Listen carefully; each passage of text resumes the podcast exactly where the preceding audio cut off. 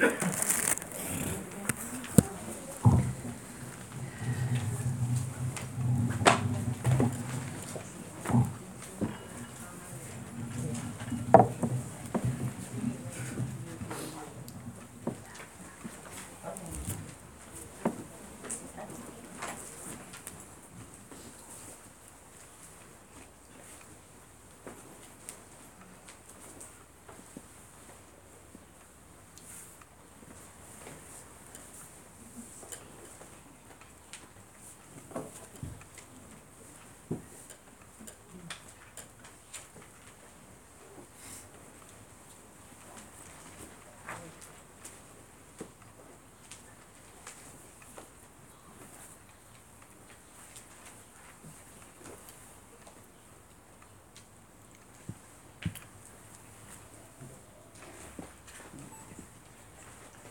ප්‍රශ්න ප්‍රශ්න තියෙනවා. ප්‍රශ්න එක නොවන මහත්තයෙකුට වාර දීලා තියෙනවා. අවසර ස්වාමීන් වහන්සේ ගිලාන් පස්ස ඔබ වහන්සේ කරහරි වළඳන්න වෙනවා හැමෝම බොහොම ශ්‍රද්ධාවෙන් පිළිගන්න? ඔව් පිළිගන්න. වැඩි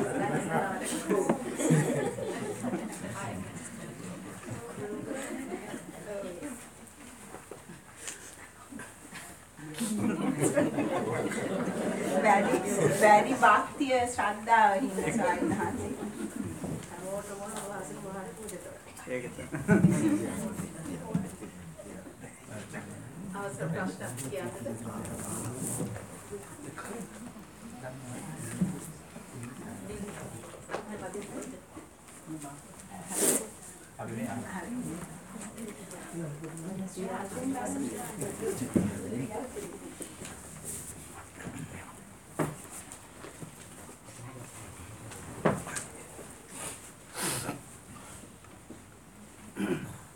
හොඳයි එහෙනම් කවුරුත් සාදු.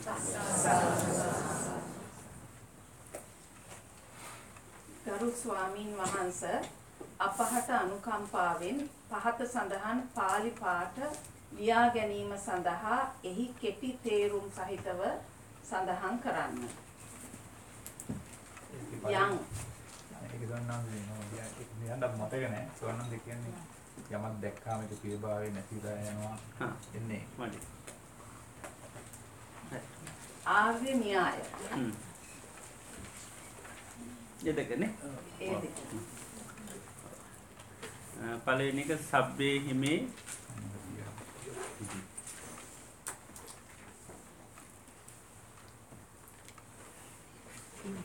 සබ්බේ හිමේ පියේහි මනාපේහි නානාභාවෝ විනාභාවෝ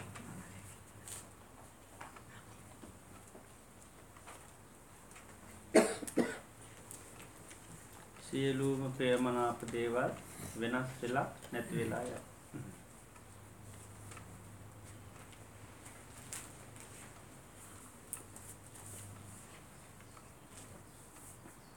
අංගුත්තර නිකායේ තියෙන්නේ ඨාන සූත්‍රය කියන්නේ.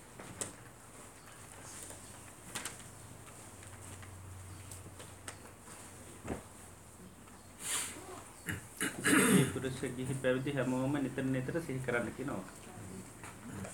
ඉත්‍යාවා පුරුෂේනවා ගහට්ටේනවා පබ්බජිතේනවා. ස්ත්‍රී පුරුෂ ගිහි පැවිදි හැමෝම අභින්නම් කියලා කියන්නේ නිතර පච්චවේක තබ්බන් කියන්නේ සිහි කරන්න.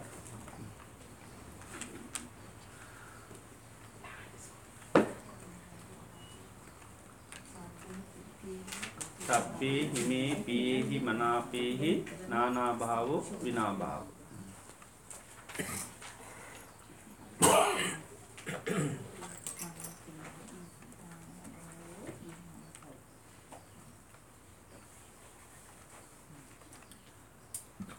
ආර්ය න්‍යාය තමයි. ඉමස්මින් සති.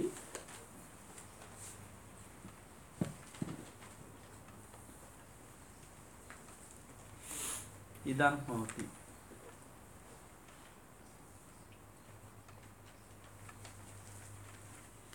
ඉමස් උපාදා. උපාදා උපාදා මසුප්පාද ඉදං උප්පජ්ජති.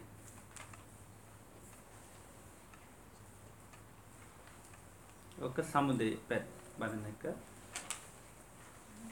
ඔය දෙක සමුදය ඊළඟට නිරෝධ දෙක තමයි.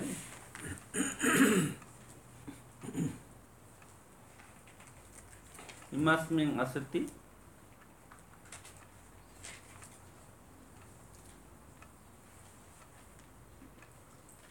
ඉදන්න හෝති.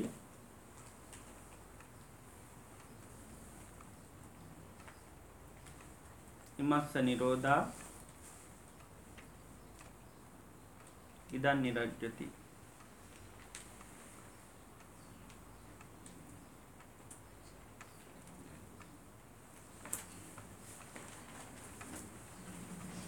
ඉමස්මින් සතිදං හොති. මේ ඇති කල්ලි මේ වේ කියන එකයි.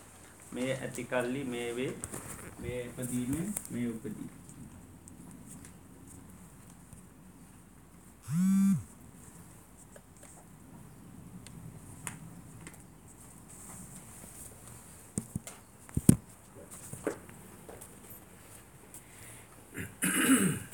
ඉමස්මින් අසති ඉදන් හෝති කියන්නේ මේ නැති කල්ලි මේ නොවේ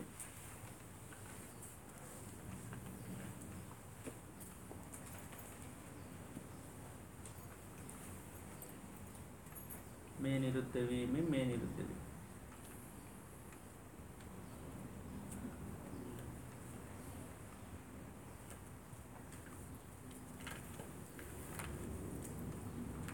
ඔය ඔස්සේ පරිසම්පාදේ හැම ධර්මතාවයක්ම බලන්න.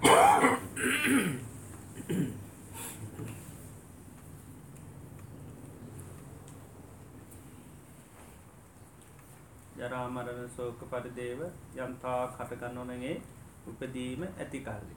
උපදීම ඇති කල්ලි ජරා මරණ වේ. ඉපදීම ඉපදීම ජරා මරණ උපදී.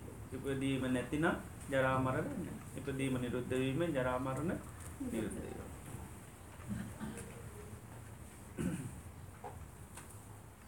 වේදනාව ගත්තත් එහෙම.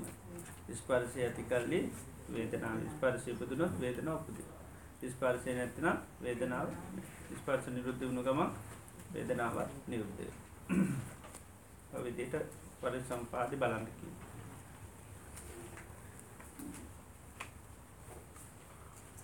දෙවෙනි ප්‍රශ්නේ ස්වාමීන් වහන්සේ අප බුදුරජාණන් වහන්සේ හෝ වෙනත් බුදුරජාණන් වහන්සේ නමක් ලෝකයට පහළ වන මොහොතේදී මනුෂ්‍ය ලෝකයේ මාර්ගඵල ලාභීන් සිටිය හැකිද එම අවස්ථාවේදී වෙනත් ලෝකවල එනම් 31 තලය තුල මාර්ග මාර්ගඵල ලාභීන් සිටිය හැකිද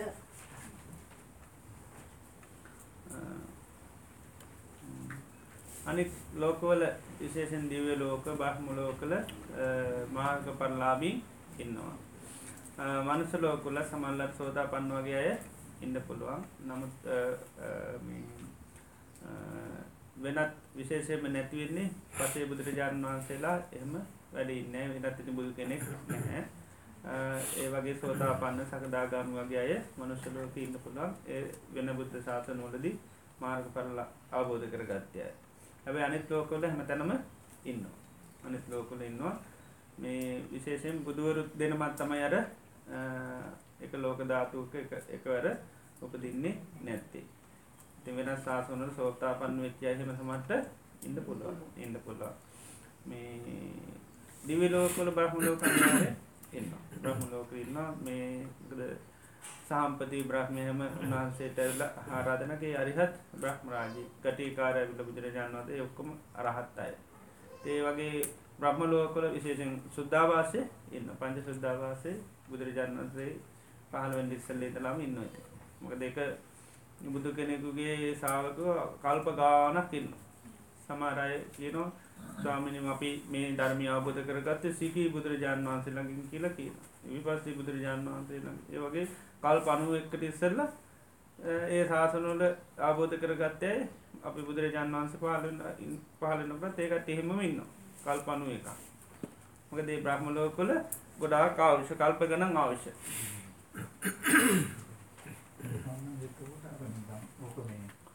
ප්‍රශ්නේ ලිව්වේ ඔව්. මේ ස්වාමීන් වහන්සේ නමක්ම දේශනා කළා. එහෙම හිතේ නැති කියලා අර ධම්මචක්කප්පවත්තන සූත්‍රයේ කියලා තියෙනවා.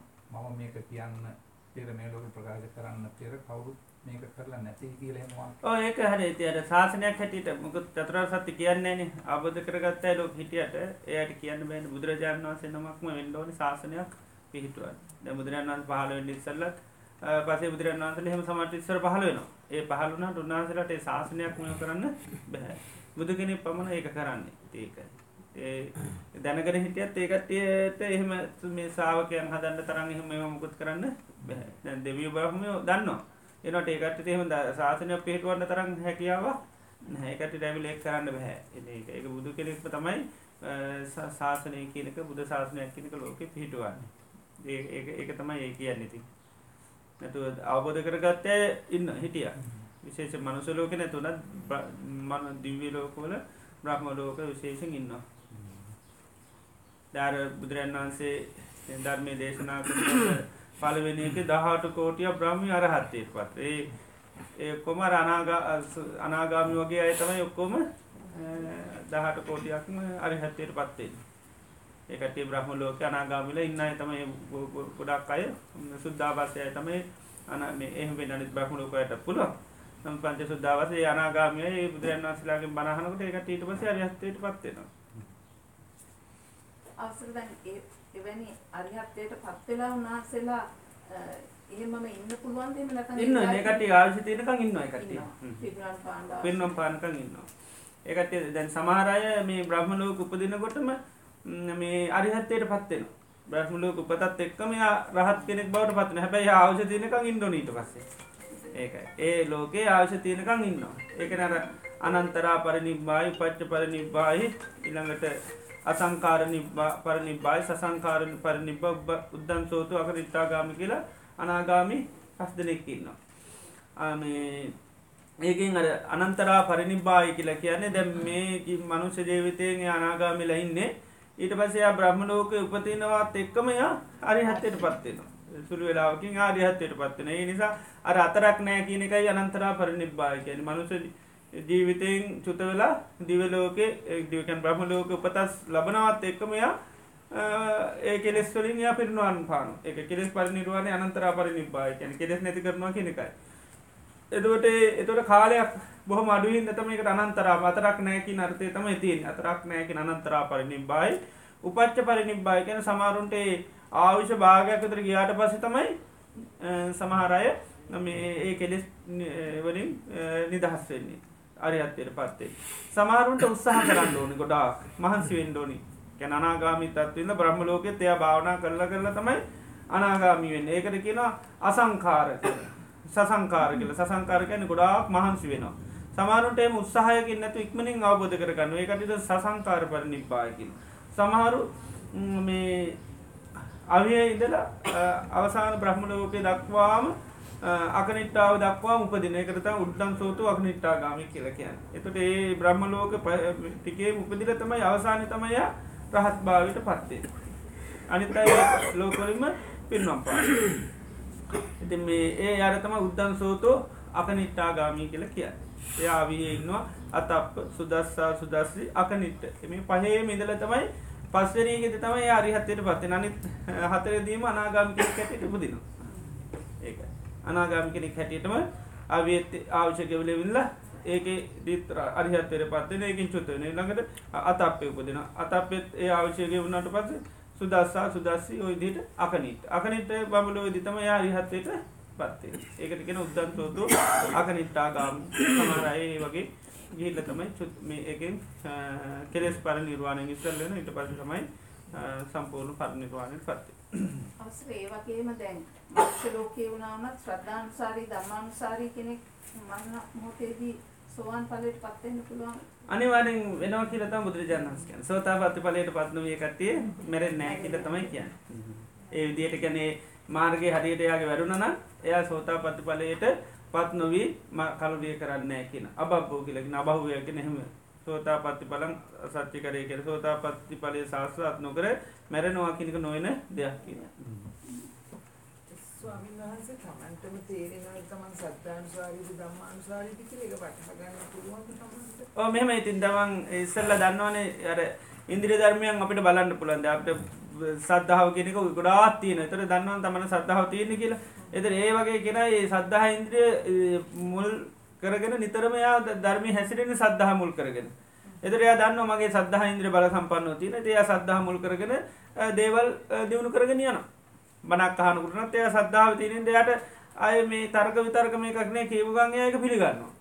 අන්න ඒක. එයාට අය විමසන්න අවශ්‍යතාවයක් නැහැ. මොකද බුදුරජාණන් වහන්සේ කරේ ඒ තරමට එයාට පැහැදීම තියෙනවා. අනේ පැහැදීම වැඩි නිසා ප්‍රසාදය වැඩි නිසා උන්වහන්සේ මොකක්ද අවබෝධ කරගත්තේ ඒකත් තමන්ගේ අවබෝධය අපට පස් කරගන්නවා. ඉතින් ඒක තමයි ශ්‍රද්ධානුසාරය. ඒක අනිත් ඉන්ද්‍රියොත් එයා දිනු කරනවා. අනිත් ඉන්ද්‍රිය දිනු කරන අනිත් පහත් වැඩෙන්න ඕනේ. නමුත් එයාගේ ප්‍රබල ඉන්ද්‍රිය තමයි මොකද්ද? සද්ධා ඉන්ද්‍රිය. ඒකයි සද්ධා ඉන්ද්‍රිය බල සම්පන්නයි. ඒක. සමහරුන්ට පිළිගැනීම තියෙනවා. නමුත් ඒ පිළිගන්න පිළිගැනීම එයාට අයින් කරගන්න හැකියාවක් නැහැ.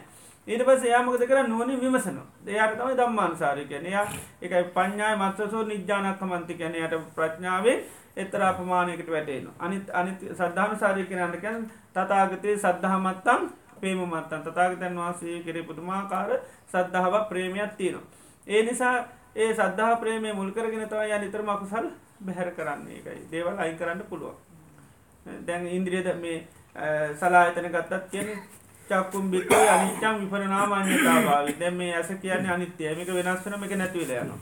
ඉතින් සද්ධානුසාරී කියන ඉමේ ධම්මා සද්ධාති. එයා මොකද මේක පිළිගන්නවා. හැබැයි එයාගේ අවබෝධයක් නෙවෙයි. එයා නිතරම මේක පිළිගන්නේ මොකක් මුල් කරගෙනද? සද්ධා මුල්. එයා හිතනවා බුදුරජාණන් වහන්සේ අරහන් සම්මා සම්බුද්ධ. උන්වහන්සේ මේක අනිත්‍ය කියන ඒකාන්තයෙන් මේක අනිත්‍ය තමයි. අනේක Tamante එහෙම ලොකු අවබෝධයක් නැතුනට එයා ඒ සද්ධාව දාගෙන සද්ධා මුල් කරගෙන ඒකනේ සද්ධා ඉන්ද්‍රිය කියන්නේ ඒකෙන් ඒකත් ඒක මුල් කරගෙන තමයි එයා පිළිගන්නේ. ඒක ඒ යාගේ පිළිගැනීම නිසා යාටත් තියෙන අවබෝධයක් ඒක. අන්න ඒකත් අවබෝධයක් බවට ඒකපත් වෙනවා. ඒ විදිහට මේ සලායතනයම එයා පිළිගන්න පංච පාදානස්කන්ධයම එයා පිළිගන්නවා මේක අනිත්‍යයි දුකයි වෙනස් වෙලා යනවා කියලා. ආනේ ධර්මතා පිළිගැනීම නිසා සද්ධානුසාරි. අනුසාරි කියන්නේ ඒකේ සද්ධා ඉන්ද්‍රිය බල සම්පන්න කරගෙන එයා යනවා. ඒකයි. ඒ ඒ වගේ අය බණ අහනකොට එහෙම ඉක්මනින් ධර්මය අවබෝධ කරගන්න. කියනකොට මෙයා පිළිගන්නවා. සාමාන්‍ය සමාජයත් තියෙනවා සමහර දෙයක් කියනකොට මෙයාට අතෑරගන්න පුළුවන් දෙයක්. විශ්වාසවන්ත කෙනෙක් දෙයක් කියනවා. මං ඔයා එනකම් හිටීමේ අහගන්න නේද? එහෙම කියනවනේ. ඔයා එනකම් හිටිය අහගන්න අනේ මේ මේ වගේ එකක් තියෙනවා මොකද්ද? ආයතර කියන මෙන්න මේවා ආ එහෙමද? දැන් එයා කිව්ව එකක් ඒක පිළිගන්න. මොකද එයා දැක්කනම් එයා ඇහුවනම් අපි හිතනවා එහෙනම් හරියට හරි. මොකද පුජ්‍යලයා පිළිබඳව අපිට ලොකු විශ්වාසයක් තියෙනවා. එයා කියපු දේ නම් එයා දැක්කනම් අපි කියන ආයන ඔයා දැක්කනම් හරිනේ. ඉතින් ඒකයි. ඉතින් ඒ වගේ මේකක් තමයි මේ ශ්‍රද්ධා ඉන්ද්‍රිය තියෙනකොට බුදුරජාණන් වහන්සේගේ අවබෝධය අපි පිළිගන්න. ඒකයි. ශ්‍රද්ධාවම කියන්නේ මොකද්ද? සද්ධාති තථාගතස්ස බෝධි. බුදුරජාණන් වහන්සේ අවබෝධය පිළිගැනීමට ශ්‍රද්ධාව කියන්නේ. දැන් අපි ශ්‍රද්ධාව කියන්නේ බුදුරජාණන් වහන්සේ කෙනෙක් පහළ වෙලා ඉන්නවා කියලා පිළිගැනීමනේ. නේද? දැන් ඒ පිළිගැනීම අපිට විතරක් නෙවෙයි කාටද තියෙන්නේ? ලෝකෙ ගොඩාක් අයට තියෙනවා.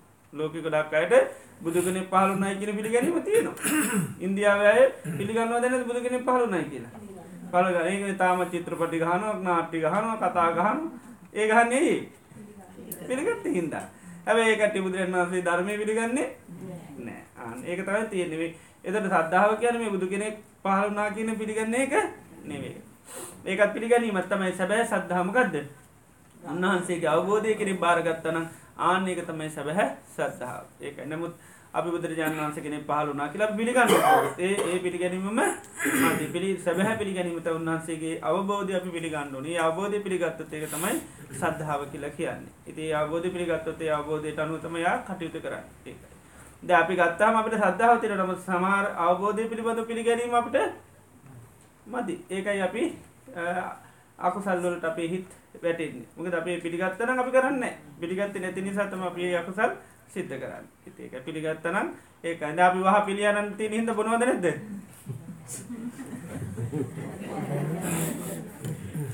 ඈ? බොන්නේ නැහැ. ඇයි පිළියනන් තියෙන්නේ? නේද?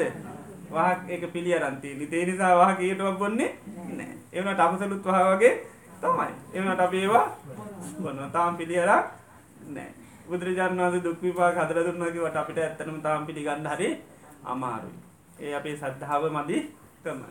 ආනික සද්ධා වැඩෙනකොටක දෙන්නේ උන්වහන්සේ කියපු අනතුර අපිට පේන්ඩ පටන් ගන්න දැ උන්වහන්ස අනතුර කිවට ඇතරම අපිට අනතුර තේරෙන් නැවැටහෙන්න ඒ අපේ සද්ධාව මතකපති ඉති සද්ධහ ඉන්ත්‍රී වැට්නකටමක දේ උන්වහන්සකපු අනතුර ඒකයි.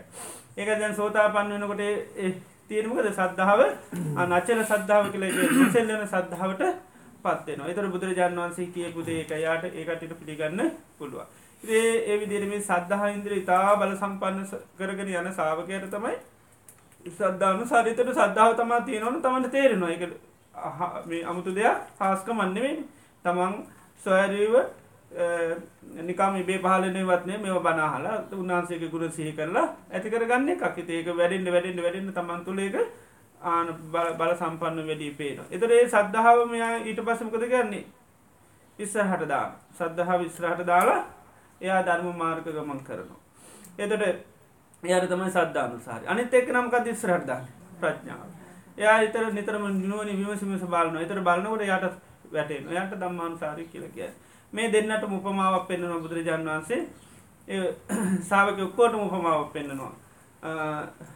අද පියදාකිවේ උපතෝ භාග විමුත්ත පඥ්ඥායමුත්ත කායසක්කි දිට්ටක් පත්ත ඉළඟ සද්ධහයමුත්ත සද්ධානුසාරී දම්මානුසාරී හත් දෙනෙක් ඉන්නවා. ඔය හදදිනට උපමා පෙන්නවා ඉස්සර මගද දේශය ඉන්නවා මේ ගවයම් බලන ගොපල්ලි. ඒ ගොපල්ල ඉස්සල්ලාම ගඟින් ගවය එතර කරනකොට ඉස්සල්ලා එතර කරන්නේ හොද්ද සත්‍ය සම්පන්න තියෙන ගව නාවකයෝ තම යවන් ඒකට්ටිමකද කරන්නේ? දැමගම් කෙලීම ගොඩ මක දෙකට ප්‍රශ්නයක්? නෑ. එක හරි බල සම්පන්නයි. හොඳ හයි සත්‍ය සම්පන්නයි දාන්න. ඉට පස නාම්බු දානවා උමුත් මොකද කරන්නේ? උමුත් කඩාගෙන යනවා.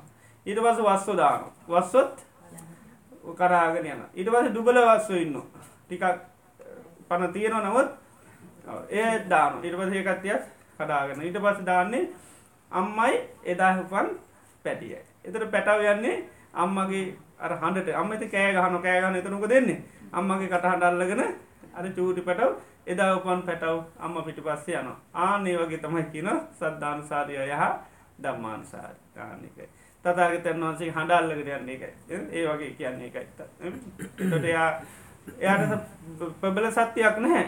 නමුත් අර හඬල්ලගෙන යන වගේ සද්ධාව ඉමුල් කරගෙන යා යන ආන්නක ඒ ඒ උපමාව පෙන්න්නන්නේ බුදුරජාණන් වහන්සේ ඒ වගේ තමයි මේ සද්ධානුසාරි දම්මානුසාරි සාාවකය අද උදය වරුවේදී චිත්තානු පස්සනාව විස්තර කිරීමේදී නාමරූප ආහාර කොටගෙන සිත් උපදින බවත් නාමරූප නැති කල සිත් නූපදින බවත් අසන්නට ලැබුණි. මේ අනුව පටිච්ච සමුප්පාද විග්‍රහයේ සංඛාර පච්චයා විඤ්ඥානං යන්න ගලපන්නේ කෙසේද.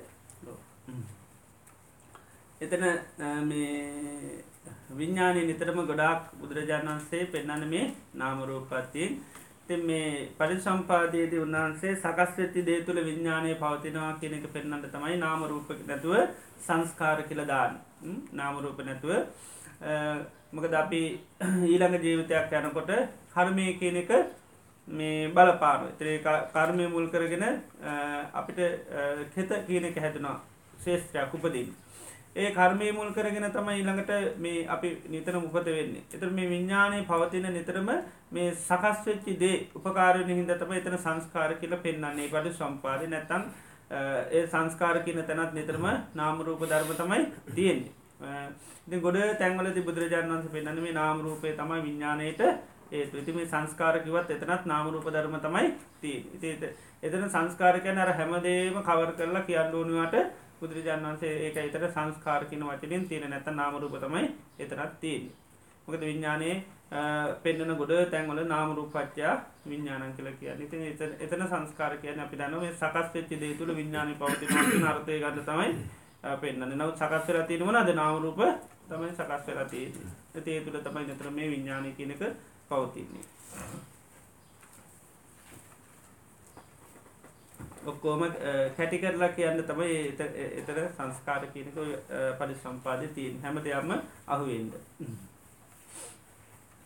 සතිපට්ඨාන භාවනාවේදී කබලින්කාර ආහාරය රූප ගැන සිහිය පිහිටුවීමේදී උපයෝගී කරගනී. ස්පර්ශ ආහාරය වේදනාව පිළිබඳ සිහිය පිහිටුවීමේදී උපයෝගී කරගනී. ඒ ආකාරයෙන්ම මනෝ සංචේතනික ආහාර සහ විඥාන ආහාර සතිපට්ඨාන භාවනාවේදී උපයෝගී වන අයුරු කාරුණිකව පහදා දෙන්න සිටිනවා. එතට මේ කයටම තමයි මම කිවේ බුදුරජාන් වන්සේ පෙන්න්න මේ කය කියලක හේතුව පෙනු කය හට ගැනීමේ හේතුව පෙනුට ගැන සතරාකාර ආහාර නිසා තමයි මේ කය හටගන්න. සතරාකාර ආහාර නිසයිතොට මේ එතන මේ කය පවතින්න කයට දෙයක් දැනින් දැනගන්න හඳුනගන්න කායික ක්‍රියාකාරකම් කරන්න ඊළඟට කය මේ කයින් දෙයක් දැනගන්න මේ ඔකෝටම මේ සතරාකාර ආහර එතට කායානු පස්සනාවට තමයි ආහාර හතරම අයිති වෙන්නේ. කයිට. එක ආහාර සමුදයා කාය සමුදගෙන කය හටගන්නේ ආහාර හටගත්තුත්. එතර ආහාර හතරත්තින කබලින්කාහාර පස්ස මනු සංචේතන විඤ්ඥාන ඔය හතර නිසාම කය හටගන්නවා කියලයි දැනගණ්ඩොරි එතට වේදනාව ගැන කෙනකට වෙනම ස්පර්ශය කියනවා. ඉළඟට චිත්තානු පස්සනාව සිත හට ගැනීම හේතුව තමයි නාමරූප ධර්මත හට ගැනීමේ හේතුව තමයි මනසිකාරය. එතට හතරට හතරත්තින සති පට්ටාන සමුදය කියල සූත්‍ර ඇත්තිනවා මේ සංයුත්ත නිකාය සතිපට්ටාන සංයුත්තේ. ඒක දිබුදුරජාන් වන්සේ පැහැදිලෝ පෙන්න්න නතින තොට කය කියන එක පවත්තින්න තමයි ආහාරයක්. වෙන්නමකක්ද මේ සතරාකාරම ආහාර හත. කයේ පැවැත්මට එකයි එතුට අපේ කය දිගින් දිගටම පවත්තගෙන යන මොනනේ සද කණබොන ආහාර. ඒකට කැන කබලින්කාර ආහාර. ඕලාරික සියුම් වසයෙන් තින කබලින්කාහාර ඒ කබලින්කාහාර ගන්නකොට මුකදන කය අකණ්ඩුව දිගට පවත්වගෙන යන. එතට ඒ කය පැවැත්මට එක හේතුවත්තම එක ආහාරයක් තමයි මේක. ඉතේ එතට මේ කබලින්කාහාර ගන්නකොට මේ වර්තමාන කය දිගට පවත්වගෙන යනවා. එතොට ස්පර්ශයෙන් තමයි කයට දේවල් දැනගන්නේ හඳුනගන්න එක අපි කතා කරේ කය තිබූ පමණින් අපට දේවල් දැරෙන්නේ නැහැ කයට දේවල් දැනගන්න ස්පර්ශ වෙන්න මෝන් නැත්තන් කයිළඟ මොනව තිබුණත් දෙයක්න අපි ඒකිවේ මේ මේ සර්පය අපේ ඔඩොක්කු හිටියත් අපේ ඇදේ හිටියත් අපි නිදිනම් ප්‍රශ්නයක් නෑ. එතුර කය බයවෙනවාද කෑ ගහන්න බයවෙන්න මොකුත් නෑ. සර්පයත් එක්ක ඕනි තරම් එලිවෙනකන් නිදාගන්න හැකියාව කයට තියෙනවා. කය බයවෙන්නේ නෑ. කයි බයවෙන්න මොකක් නොද ස්පර්ශ වෙන්ඩෝන එතකට තා බයවෙන්න තර තමයි කෑ ගහන බෙරි අන්දන්න ඔක්කෝම. එතකං සරපත් එක යසට කිසි පස්නයක් නෑ ඒකයි. ඉතේටොට ඒ ස්පර්ශය වුණුත් තමයි ඒක ඒ විඳීම් හඳුන ගැනීම තියෙන් කයින් කයට හඳුන ගැන්ඩ හැකියාව නෑ. මගේ ළඟ සරපය කියන අනේ මං අයිෙන් ඩෝනි කෙ එහෙම කයට හැකියාව නෑ. ඇතුල ලෙඩත් තිබොත් ඒත් එහෙම නේද? කය ලෙඩත් තිබ මේ පිළිකාවක් ඔයට තියෙන අනේ හොඳ කරගන්න කියලා කයගේ නොද නෑ. පිළිකාවල් සමහරය පිළිකාව හැදිලා ඒකම වේල ඒකම මෙරෙනවා. එයා දන්නෙත්නෑ මොක හිදද මැරුණි කිය ආනකයා දන්නෙත් නෑ. අවසානුවෝත අනිත්තය දැනගන්න යට කියන්නේ නෑ. දැයිති කියල වැඩ නෑ. නිසා තවත් බායලින්ද කියන්නේ. තොරයා එයා ඇතුලේ මටගත්ත පිළිකාවකින් හැදිල මන්නේ කයි දන්නේ කයි දන්නේ නෑ. ආනක එත දැනගන්න නම්කත් වෙන්න නිස්පර්ශ වෙන්න නිස්පර්ශ නොත්තමයි දැනගන්න. නිස්පර්ශ නැත්තන් දැනගන්න විදිහක් නෑ.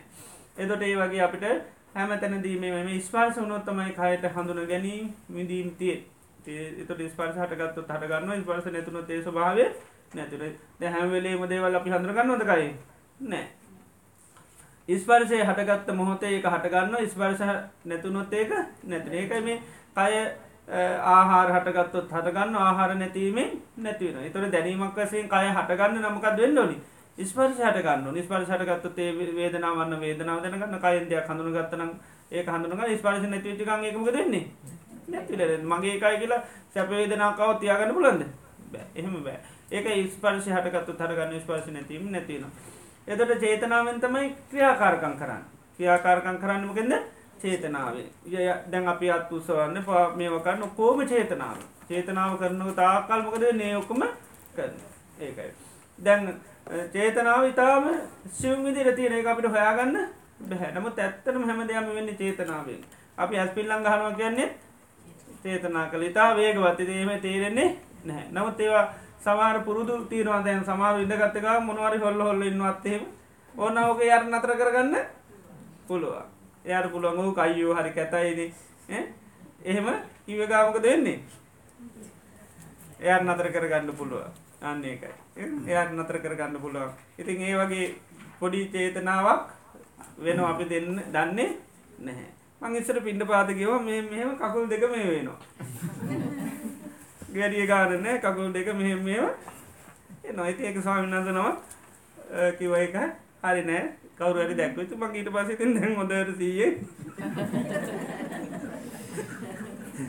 මෙ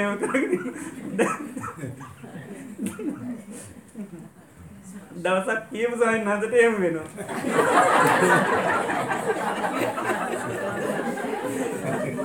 මම මම කියන්න කියන මම මෙම් පෙන්නවා. එදරු නොදට මම තක්කුට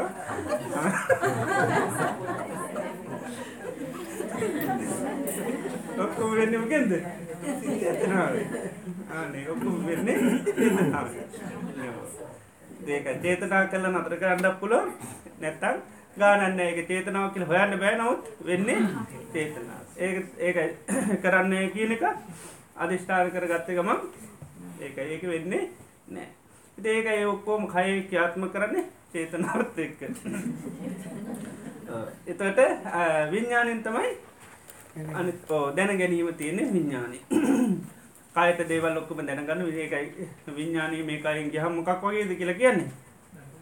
දර කඩක් වගේ. ඊට පස්සිති කපන්ඩ කොටන්ඩ ඕනි දෙයක් කරන්න පුළ අකමැති ගෙවල්ල ලොන්න මිනි පෙට්ටි ටික තිීලර යන්න පුලො පස් පාන්න නෑ කිව ගෙවල්ලට යන්න පුලුව නේද?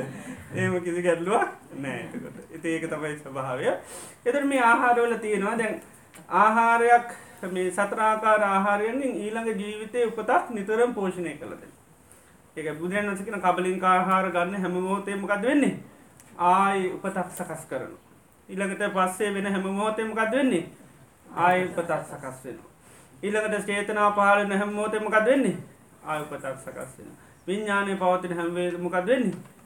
උපත ඒකමිකට ආහාර කිය මේකෙන් ආයත් පෝෂණය කළ දෙන ඊළඟ පැවැත්ම පෝෂණය කළද දාපට මේ කයක් නිර්මාණල තියන්නේ අතීත වසයෙන් අතීත ජීවිතයක කරපු ආහාරය. ඔය සතරාකාර ආහාරයන්ගේ හේතුවත්තමයි දැන් අපිට මේ ලැබිලතිී කයක් ලැබිලතිී එද මේ අය පරිහරණය කරමින් කරන ආකාරකන්තුළමක වෙන්නේ? ආය භයක් ඇතිනවා මේ කබලින් කාර ගන්න අපි කෑම ගන්න හැම මොහොතම සකස්සෙන භවය භවය සකස්සෙන හැම මොහොතම. කන හැම ආහාරයක් පාසාාව භවය කියනක පෝෂණය වෙන මේ අයි විතරන්නේ පෝෂණය වෙන්නේ. තවත් අයක් පෝෂණය වෙනවා. මේ ස්පර්ශ වෙනකොට දැන් දේවල් දැනගන්න විතරන්නේ ඒ ස්පර්ශය තුළින් නිතරමකද වෙන්නේ? ආජීවිතයක් පෝෂණය වෙනවා. ඒ වගේ චේතනා පහල වෙන වෙලා මේ වෙලා ක්‍යාකාරන් කරන විතරන්නේ අනාගතයටත් චේතනා මුල් කරගෙන දෙයක් සිද්ධ වෙන. විඤ්ඥානෙන් දැන් දේවල් දැනගන්න විතරන්නෙවේ ඊළඟ ජීවිතයට විඤ්ඥානය පුනර්භවය සඳහා සකස් වෙන එතර මේ සත්‍රාකාරයට එක තන ආහාර කියල කියන ආහාරකයන බව පැවැත්මම පෝෂණය කළද? මේ ජීවිතය තරන්නෙවේ මුළු බව පැවැත්මම පෝෂණය කරන මේ ආහාර හතරේ එක ආහාර අතර මුළු බව පැවැත්තම පෝෂණය කරලා දෙන්න.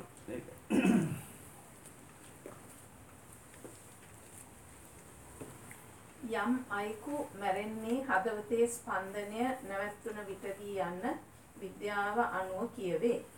එවිට සිතට වෙන්නේ කුමක්ද? විද්‍යාත්මකව සිතක්ද ශරීරයෙන් නික්ම ගොස් නැවත ඉපදෙන්නේ. පුනරුත්පත්තිය විද්‍යාත්මකව විග්‍රහ කළ හැකිද? විද්‍යාත්මයකින් ආණ්ඩනවනේ බුදුරජාණන් වන්සේ ධර්මය අනුව අපට ගන්න තියන්නේ නිතරම මේ පංච පාදානස්කන්ධයක්ත්තමයි චුතවෙන්නේ පංච පාදානස්කන්ධයක්ත්තමයිගේ ලොපද වෙන්නේ ආන එහෙම ගත්තාම ගැඩලු නෑ. ඒ හිත විතරක් තනිය යනවා කියල ගන්නකද සාති කියල බිශ්වක් බුදුරජාණන් වන්සේ කාලෙත් මේ විඤ්ඥානය තමයි භවයෙන් භවයට යන්න කියලා වෙන එකක් නෙවේ කියලා කියන්නේ. තර බුදුරන් වන්සක කාටද බංගේම විඤ්ඥානයක් තරී යනවා කියලා කිවේ එතොට බුදුරජාන් වන්සේ දැන් පිළිසිඳ ගැනීම තැන විඤ්ඥානීම උකුසකට යනවා. එම කියනවා. නමුත් උන්වහන්සේ ප්‍රධානම දේශනා කරන්න ගදද මනා මේ පංචුපාදානස්කන්ධයක් තමයි ආය උපතක් කරායන් පංචුපාදානස්කන්දයම යන්න. විදිට ගත්තහම හරිමකද මහා නිධාන සූත්‍රයේ ඇරම්බන්නේ වැතියෙනවා මේ නාමරූප විඤ්ඥානයේ අන්‍යෝන්‍ය සම්බන්ධතාවේ තබයි එත්තාවතා ජායතිවා ජීවතියා මීයතිවා චවතිවා උපද්ජතිවා මේ නාමරූප විඤ්ඥාන එකතුවීම නිසා තමයි යෑමක්කෝ ඒමක්කෝ චුතවීමක් උපදීමක් මැරීමක් ඔක්කෝම සිද්ධ වෙන්නේ මේ නාමරූප විඤ්ඥානය අන්‍යෝන්‍ය සම්බන්ධතාවේ නිසා. ඉනකට බීජ සූත්‍රය පෙන්නවා මේ රූපයේ විඤ්ඥාන නිතරම් බැහැගෙන තියෙනමගෙද රූපේ රූප රූපපයම් බික්කේ විඤ්ඥානන් තිට්ටමානන් තිට්ට මේ විඤ්ඥාන තියනවන තින රූපය බැහැගෙන වේදනාව බැහැගෙන සංඥාව බැහැගෙන සංකාරයේ බැහැගෙන. යමෙක් කියනවන රූපයන්තරව වේදනාවෙන්තරව සංඥාවෙන්තරව මේ සංස්කාරෙන්තොර විඤ්ඥානය යෑමක් හෝ ඒමක් හෝ ඉපදීමත් චුතවීමක් වෙනවා කියලා නේතන්ඨාන විජතයක වෙන්නේ නෑ. එතොට අපි මැරෙනවා කියන්නේ මේ පංචුපාදානස්කන්දය චුත වෙනවා. ඊට පස්සේ ආයමකද වෙන්නේ? ආය ජීවිතයකටල පංචුපාදානස්කන්දයක් පහලෙනවා සිට එහෙම තමයි ගණඩතිය බුදුරන් වන්ස කැට එකයි මම කියන්නේ දුකත් තිබුණ දුකන්න නැති වුණ. ඒ දුකමකත පංචුපාදානස්කන්දය අපි රහත්තුනයිගෙන ඔය දුක නැතිවෙන තර මේ දිගින් දිකට පංචුපාදානස්කන්දේ ක්‍යාකාරිත්‍යත්තම අපි මේ ජීවිත පැවැත්ම කියන්න. ඒකද ත උපමා පෙන්න්නනවා බල්ලෙක් ගොඩි බලු පැටිය බඳිනවා දංවලකින් කනුවක ඒතර බල දුවනන කොහෙදදුවන් තියන්නේ? කනුවට ඉරදුවන්න කියන ලගිනවනම් කොහෙද? කනුව ලඟ කියන නිදාගන්න ඕන ඒට එහා යන්න බෑ. එයට නේ දානී වගේ කියනවා. මේ සංසාරමී සත්වය යනවන යන්න රූපේ වටේ දුවනවා කියන වේදනා වටේ දුවනවා කියන සංඥා වටේ දුවනක සංකාර වටේ දුවනක විඤ්ඥානි වටේ දුවනෝක එහා තවත් කොයවත් යවෙන්නේ නෑ. ඒන කොහේ පුදනත් උපදින්නමකක්ද පංච පාදානස්කන්දය දැන් කූම්ියෙක් වෙලා උපදිනවා. මොකද කූමියට තින් රූපය කූම්බියට සංඥා තිනවන්න නැද්ද? තේනවා ගල් කැටියත් දාම කූමියල්ලකට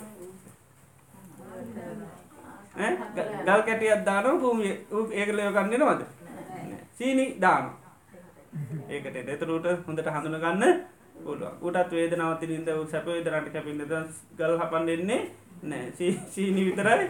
එන්න අඹලයා වගේ නද? ඒක. එතට උන්ටේ පංචපාදානස්කන්දයක් තමයි තියෙන්නේ. ඒක අඩු ගතියක් තියෙනවා. ගැන්නේ ගොඩාක් මයරපු ගතියක් නෑ. ගොඩාක් දියුණු ගතියක් නෑ. නමුත් පංචුපාදානස්කන්ධයක් තමයි තියෙන්නේ. හැම සතකුටම අපි දකි නොයි චූටි චූටි සත්වය මූටුම් පංචුපාදානස්කන්ධයක් තමයි තියෙන්නේ. ඒකයි මේ කොහේ ගියත් බුදුරන් වහන්සේගෙන ඕක වටේ තමයි කරකේ හරි කිමිති විඥාන ඉස්සරලා ගියත් හැබැයි උපදිනකොට පංචුපාදානස්කන්ධයක් තමයි උපදිලා තියෙන්නේ ඒකයි. කොහොම ගියත් පංචුපාදානස්කන්ධයෙන් තොර වෙලා නැහැ ඒකයි. ඉතින් කොහොම මේ පොදුනත් පාවෙලාවත් කොහොම ආවත් උපදින්නේ මොකද්ද? පංචුපාදානස්කන්ධ. නල දරුවෙක් අසයෙන් ගත්තත් ඒත් පංචුපාදනස්කන්ධයත්තම එලියටෙන් කොහොම ගත්තා නේද?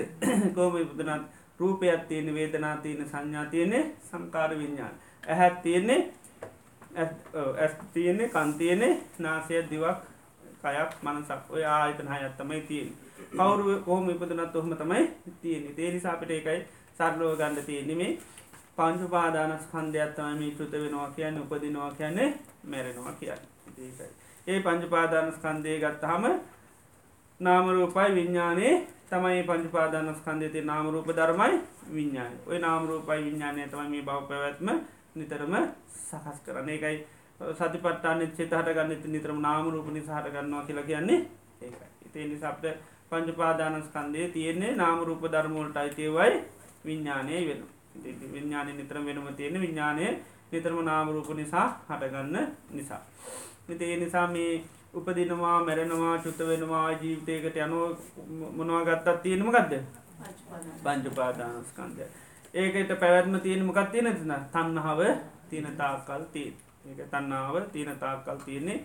ඒකයි බීජ සූත්‍රයව පෙන්න්න ඒකට පහනට උපමා කරන්න ඒකයි. විඤ්ඥානය ගත්තු පහන්සිල වගේ අඩිත්ත හතරමනවද වැටිය වගේ. මකදද? වේදනා සංඥා සංකාර ඒටිකමකක්ද රූපවේදනා සංඥා සංකාර එක වැටිය කියන ඉනකට තෙල්මනවද තන්නහාාව එතට තෙලුත් තිය නොන වැටිත් තිය නොන පහන්සිල කියනකමක දෙන්නේ දැල්වෙන ඉළඟට තව පෙනවා විඤ්ඥානය බීජයක් වගේ කියන විඤ්ඥානය බීජයක්. අනිත් හතර මොකක් වගේද? පොලෝ වගේ කියන. රූප වේදනා සංඥා සංකාරයේ හතර පොළොව.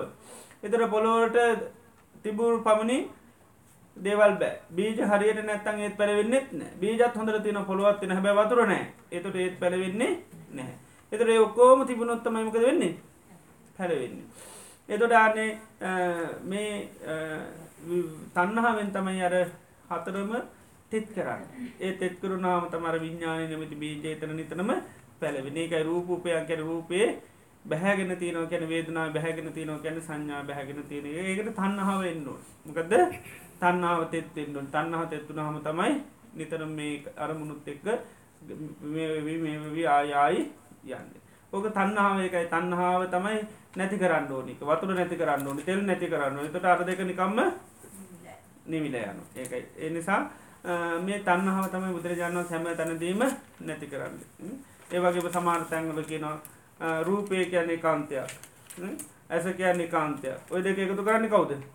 තන්නහාව තන්නාවට කියන සිම්බනී කියලා. සිම්බනී කියන්නේ මැහුන්කාරී. දෙක එකට තිීර මහන්නේ කවුද? නිතරම තන්නාවේ මහන් ඉතේ වගේ මේ නාමරූප විඤ්ඥාන මේ එකතු කරන්නේ නිතරම තන්නාව ඉතේ තන්නාව නැති කරම් පස්ස යන්න අන්න දෙ පැත්තට අර බටමිට හේතු පෙන්න්නේ බටමිට දෙක දෙ පැත්තට වැටන තුට ආයාධාරයක් පවතින්න විදිහක් නෑ. ඉති දෙක බැඳල තීරීමකෙන්ද තන්නාවෙන් බැඳලති තන්නාවෙන් බැඳලතිය නිතේ නිසාපිට අව මේක දැනගන්තින පංජපාදානස් කන්දය තමයි මේ උපදිනවා මැරෙනවා චුත වෙනවා කියලයන් පංචුපාදානස්කන්දය කවුද? දුක. එතර නැතුවනොත් කවදා හරි නැතිවෙන්නම කත්ත දුක නැතිවෙන බුදුරන් වන්ස කෙරෝ ම හිටියගෙන නැතුනා කියලා කියන්න යන්න දුක තිබුණ දුක නැතිවුණ ආනක දුක තිබුණ දුක නැතුන දුක්කම උපජමාන උපජ දුක්කම නිරෝජමාන නිරෝජ දික තිබුණ දුක නැති වුණා. හිතේනි අපිට සල්ලුව ගන්තියන්නේ නොේ දෙවල් මේ මේවා පිළිබඳව ලියනවා පරියේෂණය කරනවා කෙරවරක් නැහැ. බුදුරජාණන් වහන්සේගේ ධර්මය නිතරම තියෙන්නේ සිහ පිටවා කර මේකෙන් අයින්වෙන්ද. මෙම උන්නාසේ මේ තර්ක කර කර විතර්ක කර කර පරියේෂණ කර කරින්ද නෙවේ. දැ බුදුරජාන් වහන්සේට බර කියන්න තිබුණ අපට මෙලෝදයක් තේරෙන් නැතිව. මෙලෝදයක් තේරෙන් නැතිවෙන්න උන්හන්සට බර කියන්න පුළ උන්හන්සේම කියල තිනද කර මේ සූත්‍ර ඉගෙන ගන්පා ඒව තිනවද තේරෙන් නැති විදිරට මේ පොඩි බාලට වගේ මේ නිය පොතර පස්්ටිකක් කාලම නින මේකද ලොකු අර්ගද ලොකුග නේද ආනක මකද මේක සිහ උපද්වන්න උන්හන්ස පැහැදිලුව කියලතේ ඒකයි ස්වාකාතූ භික්වේ දම්ම මේක ස්වාකාතයි ස්වාකාත ගැන හරියට පිළි කියලා තියෙන්නේ. ඒල උත්තානු මේක හරි ප්‍රකටයි. උත්තාන වියට විවෘතයි. චින්න පිලොතු මේක වැහැරලිමකුත් නෑ. මේ අර පැකින් කරලා ආපු වස්ත්‍රයක් වගේ.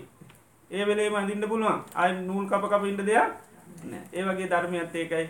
කෙනෙකුට මේ මොහොත ඉගෙන ගත්තොත් මේ මොහොතේම සිහි කරන්න පුළුව මේ මොහොතම සිහිකරොත් මේ මොහොතම සිහපුදව ගන්නත් පුළුවන් ඒකයි ස්වාක්කාත කියර කිය ඉති එනි අපිට මේවා එක පැහැදිලියෝ මේ කර ගන්න ඕනේ.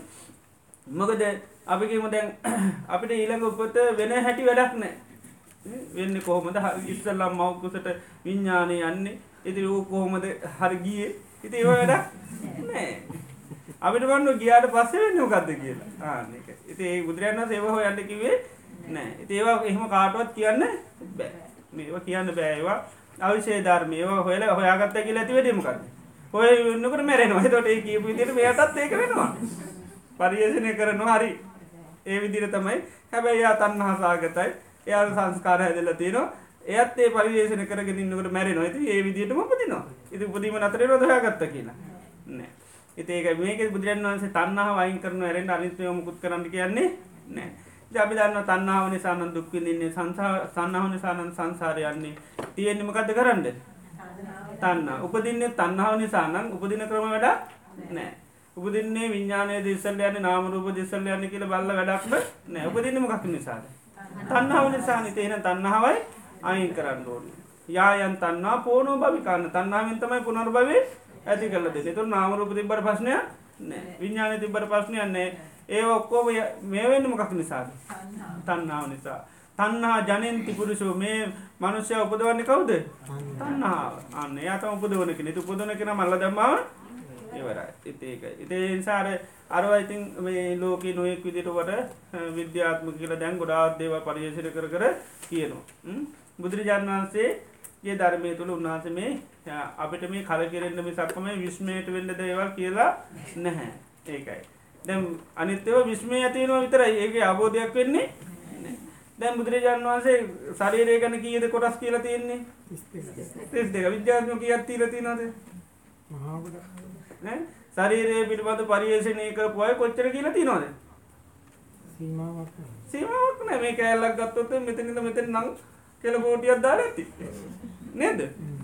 ඉති ඒක බැලුව කියල ඒකට කලකිරුණද මේ කොටට නන් දැම්මයි කියලා මේ නේද? ළඟම ඉන්න නේද? දත නොල්ල ගොඩක් කියන මාතුරුත් ගොඩක් ඉන්න. දන්න නේ දීගෙන ගත්ත කියෙන කලකිරුන්න නේද? ඒකයි. ඒ ඒ චේතනාව වෙනත් ඒ කට්ටිය ඉගෙන ගන්නේ මොකෙටද? මේක ස්වභාවය හඳුනාගෙන මේකට ප්‍රතිකර්ම කරන්න ඉගෙන ගන්න. ඒකයි. ඉති බුදුරජාණන් වන්සේ කිවේකට නෙවේ උන්හන්සේ මේකට කලකිරෙන්න කිවේ ඉති කලකිරෙන්නේ හොඳටම ප්‍රමාණවත්. බෙහෙත්තෙන් එච්චර මති එච්චර මන්ද. කෑලි තිස් දෙකත් තිබ්බ කියල දැනකට බේත් කරන්න මේක වෙන ක්‍යාකාරිත්තයන් දැනගන්න ඕනි. තේ දැනගත්තර පස තමයි පුළුවන්. ඉති ඒ නිසා මේ එතට බුදුරජාණන් වහන්සේ බණ කියල තියෙන මේ මේකේ විශ්මිත භාවයක්. මේක වව කරන්න නෙවේ උන්හන්සේ බණකිව මේක තියෙන මෙන්න මේ වගේ ස්වභාව තියෙන සහ පීටුව ගන්න. මේ කය කියන්නම කොටස් දෙක කියරත්තේ සිය පේ උන්හස කියන්න මීටත් එහ තවත් තියෙන්න පුළුවන්. ධාතු කියන කොටක් කියන්න තවත් ශරීරයේ තෙක්ද තිය යුතු ඕන තරන් තියෙන පටමිදා තවත් තියෙන පුළන්ගේ ශරීරයේ. නමුත් උන්හන්සේ කැනයට ප්‍රමාණයකට කියන්නේ මේ වගේ දෙයක් කියලා හඳුනාගන්න පමණයි. ඉතිේ වගේ දැන් එක එක පරියේෂණ කරනු නොේ දේවල් කියන්න පුළුවන්. පුරුරුපොත්ත පරියේෂණ කරන අය ඔන්න මේ මෝහ විද්‍යාව මේම කල ඉතින් එක කරාව ආකොත් මකුසටාවේ එතොට කියන අයිති මම් බබරෝගය අම්මල අම්මල ගානකට ගිය හරියන්න මං ආය ගිය අපි ආමක නේද? ඉති යා කරන්න ඕකක්ද එයාට ඉතරීතන දේවල් කියනවා ආනක ඉති ඔප්‍රේෂන් කරපුයි සමල්ලොට මේක නතියගෙන ම උපේෂන් කරන ඔක්කෝමටිය බලානිටිය දොත්තර මේම යරේමයි කරේ කරද කියනවා. එයාට හිතන ඕන දෙයක් කියන්න පුලො මේ හිත කියන්න මායාව අපි අත්දැකීමක් කියනකොට නිතරම හදනද කියන්නේ නැද්ද? අත්දැකීමක් කියනකොට? ඕ අපි දැ කියන්න අනිත්තයට මාධ්‍යයක් එබයි නැතන් කියන්න පුළුවන්ද? බෑ. ඉති එතට මිනිසුන්ට තේරෙන මාධ්‍යයක් ඕනි බරවගේ කිවම අපිට තේරෙනවා. නේද? පාවියගෙනාව ආලෝකයක් වගේ. ඉති එහම කියන දේව නැතු කොමද කියන්නේ? කියන්න තිය නැති ඒතුට අපි අපිට තෙන්නේ ආයම තමයි මවකුසකට එනඟ එන්නේ නේද?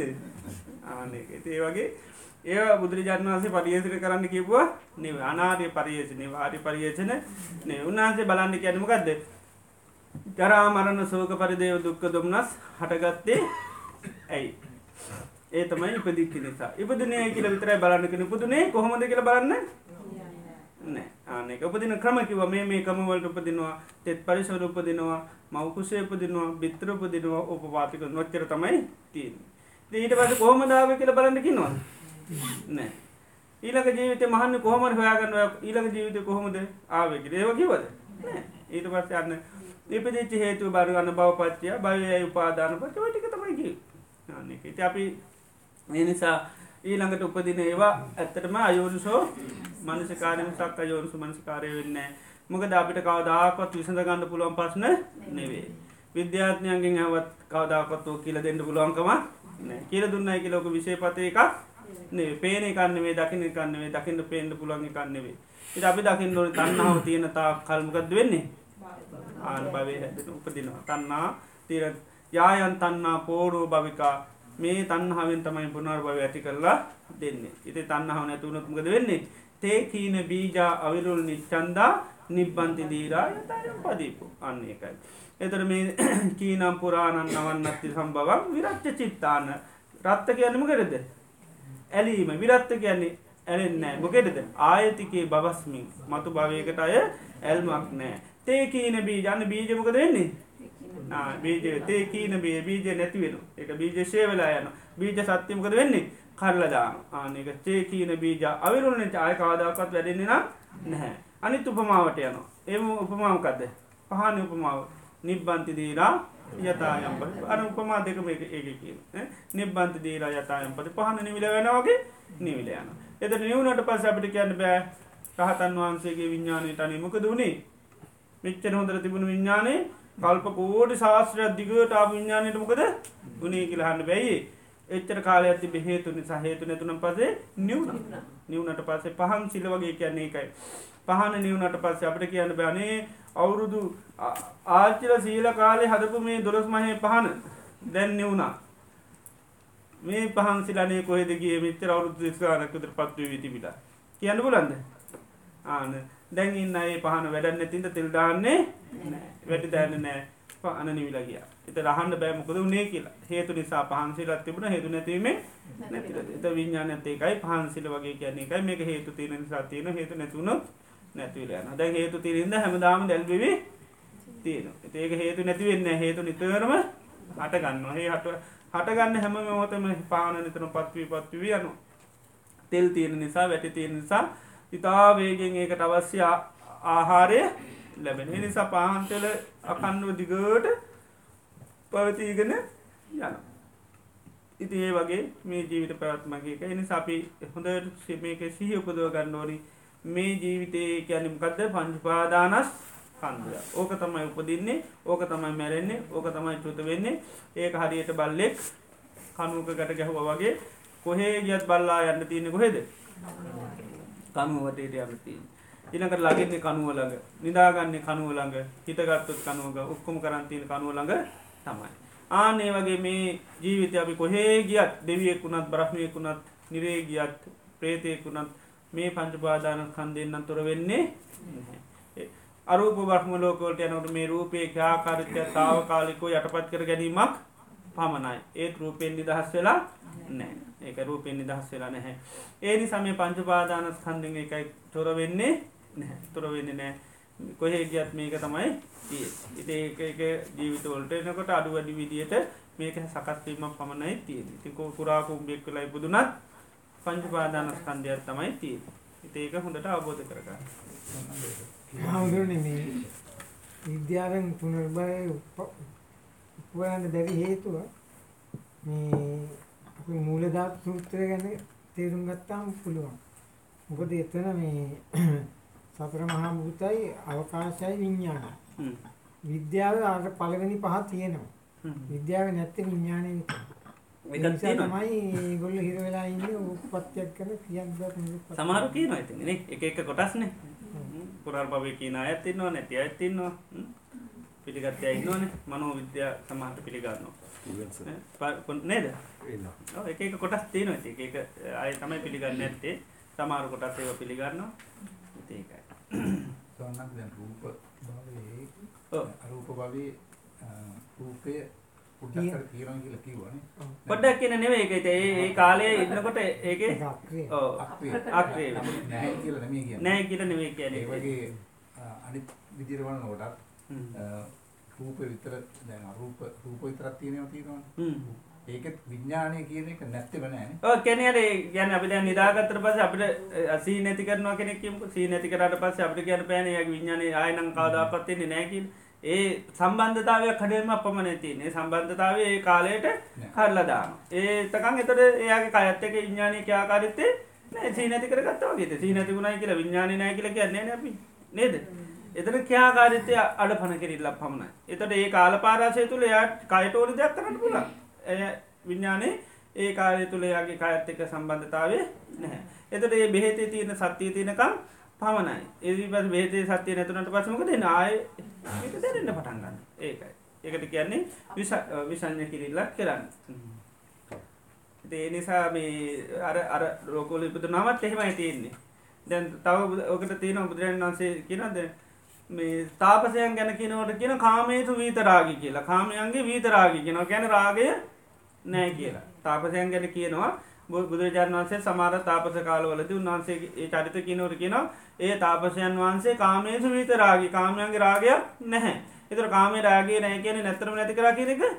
ඇය කාර්පාසය තුළ එයාගේ රාගය නෑ එයට පත් කරලා තියෙන් ගන්න එකයි. ඒ කාලෙ තුළ රාගයක් යට හටගන්නේ නෑ එනිසා කාමේතු වීත රාගි කියෙන කාමයන් පිළිබඳව කිසිම රාගයක් යට නෑ රූප සද්ද ගන්ධ රස ස්පර්ශ කියන මේ කාමයන් පිළිබඳව රාගයක් එයාට නැහැ. ඒක ඒකට කියන කාමේසු වීතරාගී. හැබැයි ඒ වීතරාගී වුණාට එයා ඒ කාලපාරවශ්‍ය ඥාන තියෙන කම විතරයි. ඊට පස්සේ මොකද වෙන්නේ? ඥාන නැති වුණ ගමන් ආයෙත් එයා අර කෙලෙස් ඒ තිබෙ විදිහට මතුවෙනවා. ආන්නේ. බ්‍රහ්ම ලෝකේ ඉන්නකන් රාගයක් නැහැ යාට. රාගය ක්‍රියාත්මක වෙන්නේ නැහැ. ඒ සම්බන්ධතාවය වෙන්නේ එච්චර. නැතුව රාගේ නැත්තටම නැති කරා කියන වචනේ නේ. ඒකයි. නමුත් ඒ වෙලාවේ නැති හින්දා නැහැ කියලා කියනවා. ආන්න ඒකයි. ඒ වෙලාවේ නැති දැන් අපි සිහි නැතුව නම් බස් දැන් සිහිය නැහැ කියලා කියනවා. දැන් ඇත්තටම සිහිය නැහැ. ආය සිහිය එන්නේ නැහැ කියන එකක් නෙවෙයි. නේ දැන්ට සිහිය නැහැ. ඉතින් ඒ වගේ තමයි තියෙන්නේ. ඉතින් මේ මේ වගේ යම් යම් අඩපන කරන්න පුළුවන්. ඒ අඩපන කිරිල්ලක් පමණ නැත්තර නැති කිරිල්ලක් නෙවෙයි. ඉතින් නැත්තර නැති වෙන මේ තණ්හා මේකෙන් අයින් වුණාම තමයි ආහාර නැතිවර ගාම මොකද වෙන්නේ? ආන්න ඉතින් තණ්හාව තමයි මේ ඔක්කොටම තියෙන ආහාර. ඒක නැති වුණ ගමන් අන්න මේකේ හටගත්ත පැවැත්ම තියේ එතකන් ඊට පස්සේ සම්පූර්ණ මේක නිවිලා පහනක් නිවිලා යනවා වගේ නිවිලා යනවා. ආනාපාන සතිය වඩන විට අප ගන්නා හුස්ම රැල්ල පිටවන බවත් කිව්වත් අපි ගන්නා හුස්ම රැල්ල පෙනහළු වලට ඇතුළුව ඇතුළුව පිට වෙනවා. ඇතුළට ගන්නා හුස්ම රැල්ල නාසයේ යම් තැනක හැපී පිටවන බව කිව්වත් එය මට විශ්වාස කිරීමට සාධකයක් තවම ලැබී නැති නිසා මේ ප්‍රශ්නය අසන්නට සිටිනවා. වදින තැන් මං කියවනේ දැක්කේ නැතුරට කමක් නැහැ. හුස්ම ගන්නවා කියලා හිතා ගන්න හැම වෙලේම. මේ වෙලාවෙත් හුස්ම ගන්නවා. ඒක පිළිබඳව අපිට අර ගොඩාක් හිතට හින්දා තමයි මේ හුස්ම නැහැ කියලා හිතන්නේ. හුස්ම හැම වෙලේම වැඩ කරනවා. අපිට අර සිහිය නැති හින්දා හුස්ම පේන්නේ නැති වෙන්න පුළුවන්. ඉතින් ඒ නිසා හොඳට සිහිය උපදවාගෙන හිටියොත් හුස්ම දිහා බලා ගන්න පුළුවන්. ඉතින් වැදෙන තැන් අමුතියෙන් බලන්න දෙයක් නැහැ මේක හුස්ම ඇතුල් වෙනවා පිට වෙන හැම වෙලේම සිද්ධ වෙන දෙයක්. ඉතින් ඒකයි ඒක අපි අර ගොඩාක් හුස්ම වල බය වුණානේ නේද? ඒ නිසා තමයි හිතන්නේ මේ හුස්ම අපිට දැනෙන්නේ නැහැ කියලා. එහෙම එකක් නැහැ හුස්ම සාමාන්‍ය හැම වෙලේම තියෙන මේ සිහිය නැති ප්‍රශ්නේ තියෙන්නේ. සිහිය නැති නිසා හුස්ම තේරෙන්නේ නෑ. දැමුත් හුස්ම ගන්නවා හෙලනවා. දැමුත් හුස්ම ගන්නවා හෙලනවා. ඉතින් ඒ සිහිය නැතිඳ දැන් තේරෙන්නේ නෑ. ඒ නිසා පොඩ්ඩක් සිහිය පිටවාගෙන හිටියොත් මේක තේරෙන හුස්ම ඇතුල් වෙනවා පිට වෙනවා හුස්ම ඇතුල් පිට වෙනවා. ඉතින් වැදෙන තැන් තේරෙන්නේ නැති වෙන්න පුළුවන්. ඒක වැදෙන තැන් නෙවෙයි. ඒක ප්‍රශ්නයක් නෑ. හුස්ම ඇතුල් වෙන ඇතුල් වෙනවා කියලා දැනගන්න පිට වෙනවට පිට වෙනවා කියලා දැනගන්න. ඒක එච්චරයි තියෙන්නේ. මේක ලොකුවට ඇත්තටම හිතන් දෙයක් නෑ. මේක බැරිම දේ මොකද්ද? සිහිය පිටවාගෙන ඉන්න විතරයි බැරි. හුස්ම දැනගන්න බැරිතාවයක් නැහැ. මේක එකම ගැටලුව ඇත්තට අපිට සිහිය පවත්තන්න මේ හැම දෙයකම තියෙන එකයි. හැම දෙයක්ම දැනගන්න බැරි ප්‍රශ්නයක් නෑ. පටිච්චසමුපාදේ දැනගන්න බැරි ප්‍රශ්නයක් නෑ. පටිච්චසමුපාදේ සිහිය පිටව ගන්න තමයි අමාරු. සද්ධාව ඇති කරගන්න තමයි අමාරු. ඔය එකක්වත් දැනගන්න කිසි දෙයක් අමාරුතාවයක් නෑ. ගැඹුරු දහම් කරුණු තියෙනවා. නමුත් සාමාන්‍යයෙන් ගත්තොත් දේවල් එහෙම කිසි දෙයක් දැනගන්න බැරි කමක් නෑ. මැප් එක දැනගන්න අමාරුවක් තියනවද? යන්න තමයි අමාරු. ඒක මැප් එක මැප් එකක් දෙනවා. මැප් එකක් බලන්න අපිට අපහසුතාවයක් තියෙනවා. මෙන්න මේ පාරෙන් ගියපුවම මෙන්න මේ මේ යන්න පුළුවන්. මේ මේ මේ මේ ගිහිල්ලා ඈ මෙතන කන්දක් තියෙනවා. මෙතන දිය ඇල්ලක් තියෙනවා. ඒ ටික අමාරුද බලාගන්න. බෑ. ඔක යන්න ගියපුවම තමයි ඔන්න තියෙන්නේ. ආ කන්දක් කිව්වම එන්නේ කන්ද නගින්න ගියපුවම. ආ මෙතනින් කන්දක් තිබ්බ. ඕකෙන් බැස්සම් මම මෙතන. එහෙම කියලා ගියාට කන්ද නගිනකොට තමයි ආන්න. ඉතින් ගියපු ටික හරියද? එහෙම කන්දක් තිබ්බ මේට බැස්ස ගම හරි. ආ මේකයි. ඉතින් ඕක හැබැයි නගින්න යනකොට තමයි ඔන්නේ අමාරු. අන්න තමන්ගේ හයිය හත්තිය තියෙන බව තමයි ඕක නැංග ගන්න. ඉතින් ඒක. ඉතින් ඒ නිසා මේ ධර්මයක් කියන්නේ බුදුරජාණන් වහන්සේ කියන්නේ මාර්ගය. මොකද මාර්ගෝප දේශකත්වයක්. අක්කාතාරෝ තථාගත තථාගතයන් වහන්සේ කියන්නේ කියන්නේ කවුද? මාර්ගෝපදේශය. ඉතින් ඒ මාර්ගෝපදේශයත් හරියට ඇත්තටම පෙන්වලා තියෙන්නේ. ඉතින් ඒක ඉගෙන ගන්න එක කිසි අමාරුවක් නැහැ. මේක එකම අමාරුව මේක ගමන් කිරීම විතරයි. දැන් අපිට මේක ඉගෙන ගන්න එකත් තමයි යන්නේ කොහොමද? ඒක වෙලා තියෙන එන්න එන්න මේ අවුල් කර හින්දා ප්‍රශ්නයක් නැත්තම් මේක ඉතාලම ස්වාක්කාත ධර්මයක් පිරිසුදු එකක්. අපිට තියෙන්නේ කියපු විදිහට යන්න විතරයි. අපි ඉතින් කියපුවා නෙවෙයි කරන්නේ ඒ නිසාම තියෙන්නේ. වෙන එකයි. ඒකයි වෙලා. දැන් ඒ හතර සතිපට්ඨානේ මේ වාඩි වෙන හැටි පළක් පළඟක් බඳ වාඩි වෙන්න කියනවානේ මේ විජුංකාය විජුංකාය සමහර හාමුදුරුවෝ කියනවා එහෙම අවශ්‍ය නැහැ වාඩි වෙලා හිටියාම මේ වගේ ඇති කියන. ඒක හරි නෑ ඒකැන අර කොහොම ඉඳගත්ත ප්‍රශ්නය නෑ. නමුත් ඉඳගත්තට පස්සේ කයරජුවෙන්ට දවත් ඔහම ඉට ගන්නවා. දැබිම ඉඳ ගන්න බැයින නමුත් ඉති කයජු කරගන්න පුලන් කය මේ විදි පළඟක් බඳ වාඩිවෙන්ට අවශ්‍ය නැහැ. එත ඔහම ඔය විදිට හිටියම් හනති ඒක. ඒක දැන් දැන් විම ඉන්න බැරි කෙනෙන් නම් ඇති වගේ ඉඳගෙන ඉත ඊට පස කකුල් දෙක මේ විදිර තියාගෙන ඉතින් කයහොද නිර්ජු කරගෙන ඉනම් පරිමුකන් සතින් පට්ට පෙත්වා සෝ සතු වස්ස සතු සෝ සතු පස් සති. ඒකයි කියන්න. ඉදිරියෙන් තියාගෙන. ඕ සිය සිය ගැන එක පරිමුකේ ගැන ඉදිරියට හොඳට හිත යොමු කරගෙන. ඊට පස බලාගෙනන්න තට හුස්ම ඇතුල නොපිට පිට බඳන්න සයගෙන හුස්ම ගන්නවට ගන්නවා කියල සී කරන පිට කරනට පිට කරනවා කියලා සීකර සමහර තියෙනවා මේක ඔව්. පළඟක් බඳ වාඩි වෙන්න කියලා. ඔ කැන පුදුරනසේ කියන්නේ එක උජුම් කායම් පනිදා මොකම ආරං්‍යගතවා රුක්ක මූලගතවා සුඥාකාරගතවා පරියංකං ආභිච්චේක පරියංක බැඳක ඔව්. ඒක උජුම් කායම් පනිදායි. තුකාය යෝත ටිරචු කරගෙන මද ආශවාස් පාස සුන්දරට මේ වෙන කයිරු ජුනහම් ඊට පස්සේ තම සිය පිටවන කරන්න කෙන ඉතින් පරයන්ක බැඳ ගන්න බැරි කෙනෙ පුටුව කිදගෙන හැබයි කයිරුචු කරගන්න කරන්න පුළුවන්. හේතුවෙන්ට බයි කියල තමයි කියන්නේ පුටුවලට ඒ කාලේ පුටු තිබුණාද දන්නේ නැහැ. පොටු තියෙන් නැති ඉතින්. ඒ කාලෙ පුටු තිබුණා. ගොඩත් තරුණ අයටන මේවා කියන්න ඉතින්. ඒකයි.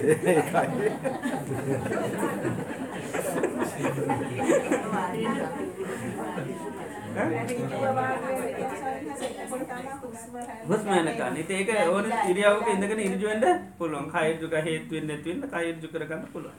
ඒකයි ගෞතර ස්වාමීන් වහන්ස දස සංයෝජනයන්ගේ මුල තුනෙන් විචිකිච්ඡාව මා තුළ නැති බවත් හැඟේ. තෙරුවන් කෙරෙහි සහ සද්ධර්මය කෙරෙහි මා තුළ කිසිදු සැකයක් නැත. ඒ වගේම සීලබ්බත පරාමාසයකුත් නැත. බුදු දහමෙන් තොර වෙනත් කෘතයන් කෙරෙහි ඇල්මක්ද නැත. ඔබ වහන්සේ සිතන හැටියට මගේ හැඟීම හරි නම් සෝවාන් වීමට මා තුළ ඉතිරි වී ඇත්තේ සක්කාය දිට්ඨියයි. සක්කාය දිට්ඨිය උපාදාන ස්කන්ධ පංචකයේ අනිත්‍ය දුක්ඛ අනාත්ම ස්වභාවය හා සසඳන්නේ කොහොමද? ධර්ම විරෝධය චිකිත්සා නැත්තම් දන්නවනේ නේද මාර්ගය පිළිබඳව චිකිත්තාවට නැත්නම් කොහොමද කරන්න කියලා අහන්න සංදරන්න කොහොමද කියලා නේද? දස සංයෝජන මුල තුනෙන් විචිකිච්ඡාව මා තුළ නැති බව හැඟේ. තෙරුවන් කෙරෙහි සහ සද්ධර්මය කෙරෙහි මා තුළ කිසිදු සැකයක් නැත. ඒක තමයි එතකොට මාර්ගය පිළිබඳව සැකේකුත් ඒකයි. කරන්න ඕනි ප්‍රතිපදාව ඒකයි හොඳටම දන්න ඒකයි සෝතාපන්න වෙනකොට ඒ ස්වභාවය පිහිටනවා. ඉතින් මෙහෙමයි මේවා අපිට ඇත්තටම සෝතාපන්න වෙන්න ඉස්සෙල්ලා මේ ධර්මතා ටික ටික ටික වැඩෙනවා. මේවා ස්ථාපිත වෙන වෙලාව තමයි සෝතාපන්න වෙලාව. ඉතින් අපිට තියෙන එක ඒවා මේ අපි මාමට මේ සැකේ තියෙනවද කියලා ඔය පරික්ෂා කරන්න යන්න බෑ. විඥානේ මායාකාරෙන්නේ. නැති ඒවත් හදලා දෙනවා. ඒ හදලා දුන්නාම තමයි ඉස්සල්ලාම සෝතාපන්න වෙන්නේ. ඒවට මොකද කියන්නේ? අදිමාන්නේ කියලා කියන්නේ. ඒවට කියන්නේ මොකද්ද? අදිමාන්නේ. ඒ කියන්නේ ලැබුවා කියලා මැන ගන්නවා. ඒ මනෙන් යන්නේ අපි ওই විදිහට බලන්න ගියොත් ඒ ආමට විචිකිච්ඡා තියෙනවද? නැහැ. බුදුරණන්සේ කිසි ප්‍රශ්නයක් සම්මා සම්බුද්ධයි. නේද? ඒ විදිහට බලන්න පුළුවන්. මං ඉතින් මොකද සීල උතනම් දැන් කරන්නේ නැහැ. ඒතර සීලපද පරාමාසෙත් නැහැ. ආ. ඉතින් එහෙම අපි බලමු සෝතාපන්නද නැද්ද කියලා යන්න බලන්න යන්න ඕනේ නෑ. මොකද සෝතාපන්න වුණොත් ඔබව දාලා යන්නේ නෑ. සෝතාපන්න බව අපිව දාලා යන්නේ නෑ. සෝතාපන්න වුණොත් ඕක තියෙනවම තමයි. ඉතින් ඒ නිසා කල්ැතුව මේව කරන්න දෙයක් නෑ. අපිට තියෙන මාර්ගය වඩන්න. මාර්ගය උපදින්ම හොඳට සිය පිටුවාගෙන වඩන්න. ඒවා සසඳන්න යන්න උපාතියනවද නැද්ද කියලා සසඳන්න ඕනේ ඒවා තියෙනවා. ඒවා ඔන්න බලන්න පුළුවන්. නමුත් අර කල්ැතුව බලන්න කිව්වොත් මොකද වෙන්නේ? අපිට අර හිත මායාවක් ඉතින් හදලා දෙනවා. අදිමාන්‍ය කියලා කියන්නේ ඒක. මාන්‍ය කියන්නේ මොකද්ද? මනිනවා කියන එකනේ. ආර්යත් වැඩි මන් ලස්සනයි. එහෙම ඉතින් ඒවන් මාන්‍ය කියලා අපි කියන්නේ නේද? ඉතින් ඒ වගේ දැන් මේකෙත් අපි යන්න මාර්ගය පිළිබඳ ඵලයේ පිළිබඳව මැනෙනවා. මැනෙනකොට අපිට පේනවා තියෙනවා වගේ. ඒකට අපි මොකද කරන්නේ? සීලයක් ගන්නවා. දැන් හරි. ඒතර තමයි අදිමාන්‍ය කියලා කියන්නේ. ඉතින් ඒක නිකන් අයට වෙන්නේත් නෑ. ಗುಣ තියෙන අයට තමයි ඒක වෙන්නේ. ද රහත් වෙලා කියලා හිතාගන්න ඒ රහත් වෙලා කියන්න අයට ඇතරම රාගයම එන්නේ නෑ රාගහෙමෙන්න්න නෑ දේශෙන්න්නෙත් නැව එන්න කෙලෙස් වෙන්න එනි සතම හිතර මර්දක් රහත් කියලා. ඉතේවට අධිමාන්‍ය කියල කියන්නේ. මකද ඒ කල්ලතුයා ඒම ඒක අර මේ කෙලෙස් ඔක්කෝම සිවුම් වෙලා සිවුම් වෙලා සිං වෙලා ලෙඩ නැතිගාන්ටෝගේ අපට වෙන සමට ලෙඩේ තියෙන නට අපිට ලෙඩේ තේරෙන්නේ නෑ ඉති වගේ තමයි අපිටත් මේ කෙලෙස් බොහෝම යටගිල්ල යටගිල්ල නැති ගානට තියෙනවා. නැති ගාන්ට තියෙන නමුත් අපි ඒ වෙනකොට මුකද සමල්ලට අපි කල් ඇතුමන ගන්න දැම්මම සෝතාපන්න. ඒ අධිමාන්‍ය කියන්නේ එක මැන ගැනීමක්. ඉති නිසා මේ වනිතර ප්‍රතිපදාව හරිට බා කරට තොට හරියන ති ප්‍රතිපදාව පුළුවන් තරක් සක්කාය දිට්ටිය නැති කරන්න තිර ප්‍රතිපදාවමකක්ද බේ පංචුපාදානස්කන්දේ අනිත්‍ය බලන්න. අනාත්ම භාවය බලන්න. රූපන් නේතම්මම නේසු හමත් මෙන මේසුව තම රූපය ගැන මාගේ නොවේ මම නොවමි මගේ ආත්මය නොව. මේක දිගෝට කරගෙන යන්නයි තිීන් කරන්න කරන්න කරන්න කරන්න තමයි අර සක්කා දිටි විචිකිච්චා මේවා එන්ඩෙන් මොකද වෙන්නේ? ඒව නැතිවල මක දේවට ආහාර ලැබෙන්නේ නෑ ආහාර නැතුන හමකද වෙන්නේ? ඒවයි ආනන ආහාර නැතිව නැතිවලය ඉති අපට ඒක වෙනකන් තියෙන මකද සෝතාපන්න වෙන වෙලාව හරියට මනිවාරණයා දන්න ඒකත් මතක තියාගන්න තමන් සෝතාපන්නුනොත් ඒ වෙලා තමන් හරියටම දැනගන්න මන්තැන් සෝතාපන්නයි කිය ඒක රහසේ ඉබේ වෙන එකක් නෙවේ හාස්කමකුත් නෙවේ ඒක තමන් බලන ධර්මය තුළ දකින ධර්මය තුළ ස්ථාපිත. ඒකන දස්සන සම්පන්න කැන ඒක දල් යාගේ දැක්මක් ඒකයි. දෙයක් බල්ල බල්ල බල්ලා අපි ගැන දැන්නම් මට එක හොඳටම පේනවා කියලා ගැන ඒ වගේ මේකත් මොකද වෙන්නේ? යථාර්ථය පේන්න පටන් ගන්න ඉති ඒ මොහොත යාට ඒක ඉබේ වෙන එකක් නෙවේ ඉතිේ නිසා මේ අපිට තියෙන හොඳට මාර්ගය වඩන්න. එතකොට මේ වෙනතුට අපි කාගෙන්වත් අහන්න දෙයක් නැහැ. තමන්ටම තමන් පත්‍යශ්‍ය කරගන්න එක. පච්චත්තම් වේදි තබ්බෝ විඤ්ඥෝහි මේක තමන්ම පත්‍යශ්‍ය කරගන්න එක ඒකයි. තව කාගෙන්වත් අහන්න දෙයන්න ඇති අපිට ඇහොත් කියන්න පුළ සෝතා පන්න කියලා. ඉති ලක්ෂණක ොත් කියන්න වෙනවාන. නෑ කියන්න? බෑ. එත අපි කිවට වැඩක් නෑ. අපි කිවට වැඩට මේක තමම්ම තමම් පත්‍යශ්‍ය කරගන්න ඕනි එක ඉතින් එකයි තිීන් ඔන්න ඒ සම්බන්ධම පස් දැන් ස්වර්ණන්ද කරන්නේ මේ කියන්නේ. ආයක මට කියලා තියෙනවා සමහර අය දැන් ස්වර්ණා කියලාමක් බෙදලා තියෙනවා නම් ඒ ස්වාමීන් වහන්සේ නම් ඵලයකට පත් වෙලා කියලා කියනවා. එහෙම කියන එක හරිද? එහෙම නිකන් ඉතින් මේවා කරලා වැඩක් නැහැ. ඉතින් කාගවත් පළවල් අපි කියලා වැඩකුත් නැහැ. නෑ ඒක තමයි මම කියන්නේ. ඒවා ඒකයි ගන්න නැද්ද කියන මේක සාමාන්‍ය කිවීමට කීම හොඳ. ඔව්. ඒවා ඉතින් ඇත්තටම හරි නෑ. නිකන් සායනතල ගැන උනත් මේ සන සෝතාපන්න සකදාගාමි කී කිය යන එක වැඩක් නැහැ. ඒවෙන් නිකන් අනවස්සේ විදියට ප්‍රශ්න ඇති වෙන මිසක්ක මේකක් ඇති වෙන්නේ නැහැ. ඊට පස්සේ බැරි වෙලා තුන සිවුරුවත් ඇල්ල ගියොත් ඒ මොකද ඊට පස්සේ කියන්නේ සෝතාපන්න අය සිවුරු වල යනවා. ආ මේක දයා ඒ මතය අයින් කරන්න කැමතිත් නෑ. ඔයා කිව්වනේ සායන සෝතාපන්න කියලා. ඒතර නෑ නෑ ඉතින් සෝතාපන්න අය සිවුරු යනවා තමයි කියන ඊට පස්සේ. සෝතාපන්න වෙලා ඉන්නවනේ එතකොට එහෙම. ඔව් එතකොට ගියයි ගියයි ඉන්නේ සෝතාපන්න වෙලා කියලා එතකොට ගියයි. ඉතින් ඒ වගේ. ඔව් අනික මෙහෙමයි වුණාට වැඩිය මේක බුදුරජාන් වහන්සේ මේකේ ඉහළට ගන්න වෙරෙන්න මේ ස්වාමීන් වහන්සේලා අපි ඉහළට ගන්න අවශ්‍යතාවය නෑ. මම කියන්නේ මගේ බණද? නෑ. බුදුරජාන් වහන්සේගේ ධර්මය කියන්නේ. ඒ නිසා අපි තථාගතයන් වහන්සේ ඉස්මතු කරලා ගන්න වෙරෙන්න තව කවුරුත් ඉස්මතු කරලා ගන්න අවශ්‍යතාවයක් නෑ. ඒ නිසා මේ මේ ඒව කීමේ ලොකු ප්‍රශ්න මිසක්කා මේකක් ඇතිවෙන්න අපි දැකල තියෙන ඒව කියලා ඊට පස් මිනිසුති කුලප්පු වෙලා නේද? මේව කරගන්න. ඊට පස මහා පස්න ජාලාවල් තමයි ඇතින්න දැනගත්තත් කියන්න එපා. කවුරර කිව්වත් නිසාද්දු ඉන්ද මොකද අපිට තව කෙනෙකු ඒකනේ ධර්මය හරියටක නාව ඒ සනස භාවනානන් කියලා දෙනවා. ගේලා ගන්න එච්චර එච්චර තියනෙ උනාස මොකක්කද කියලා අවස්ථතාවයක් නෑ එත ඒ නිසා මොකද අපිට එහෙම බුදුරයන් අස කියෙන පුද්ජුල මනින් යන්න එපා කියන. එම මනින් හරි අමාරු ඒක අනිල් මයින් අමාරු මේ මේ බාහිර තියෙන තේවල් වලින් හෝ අභ්‍යන්තර ඒව හොයන් හරි අමාරුයි. සමහර අබ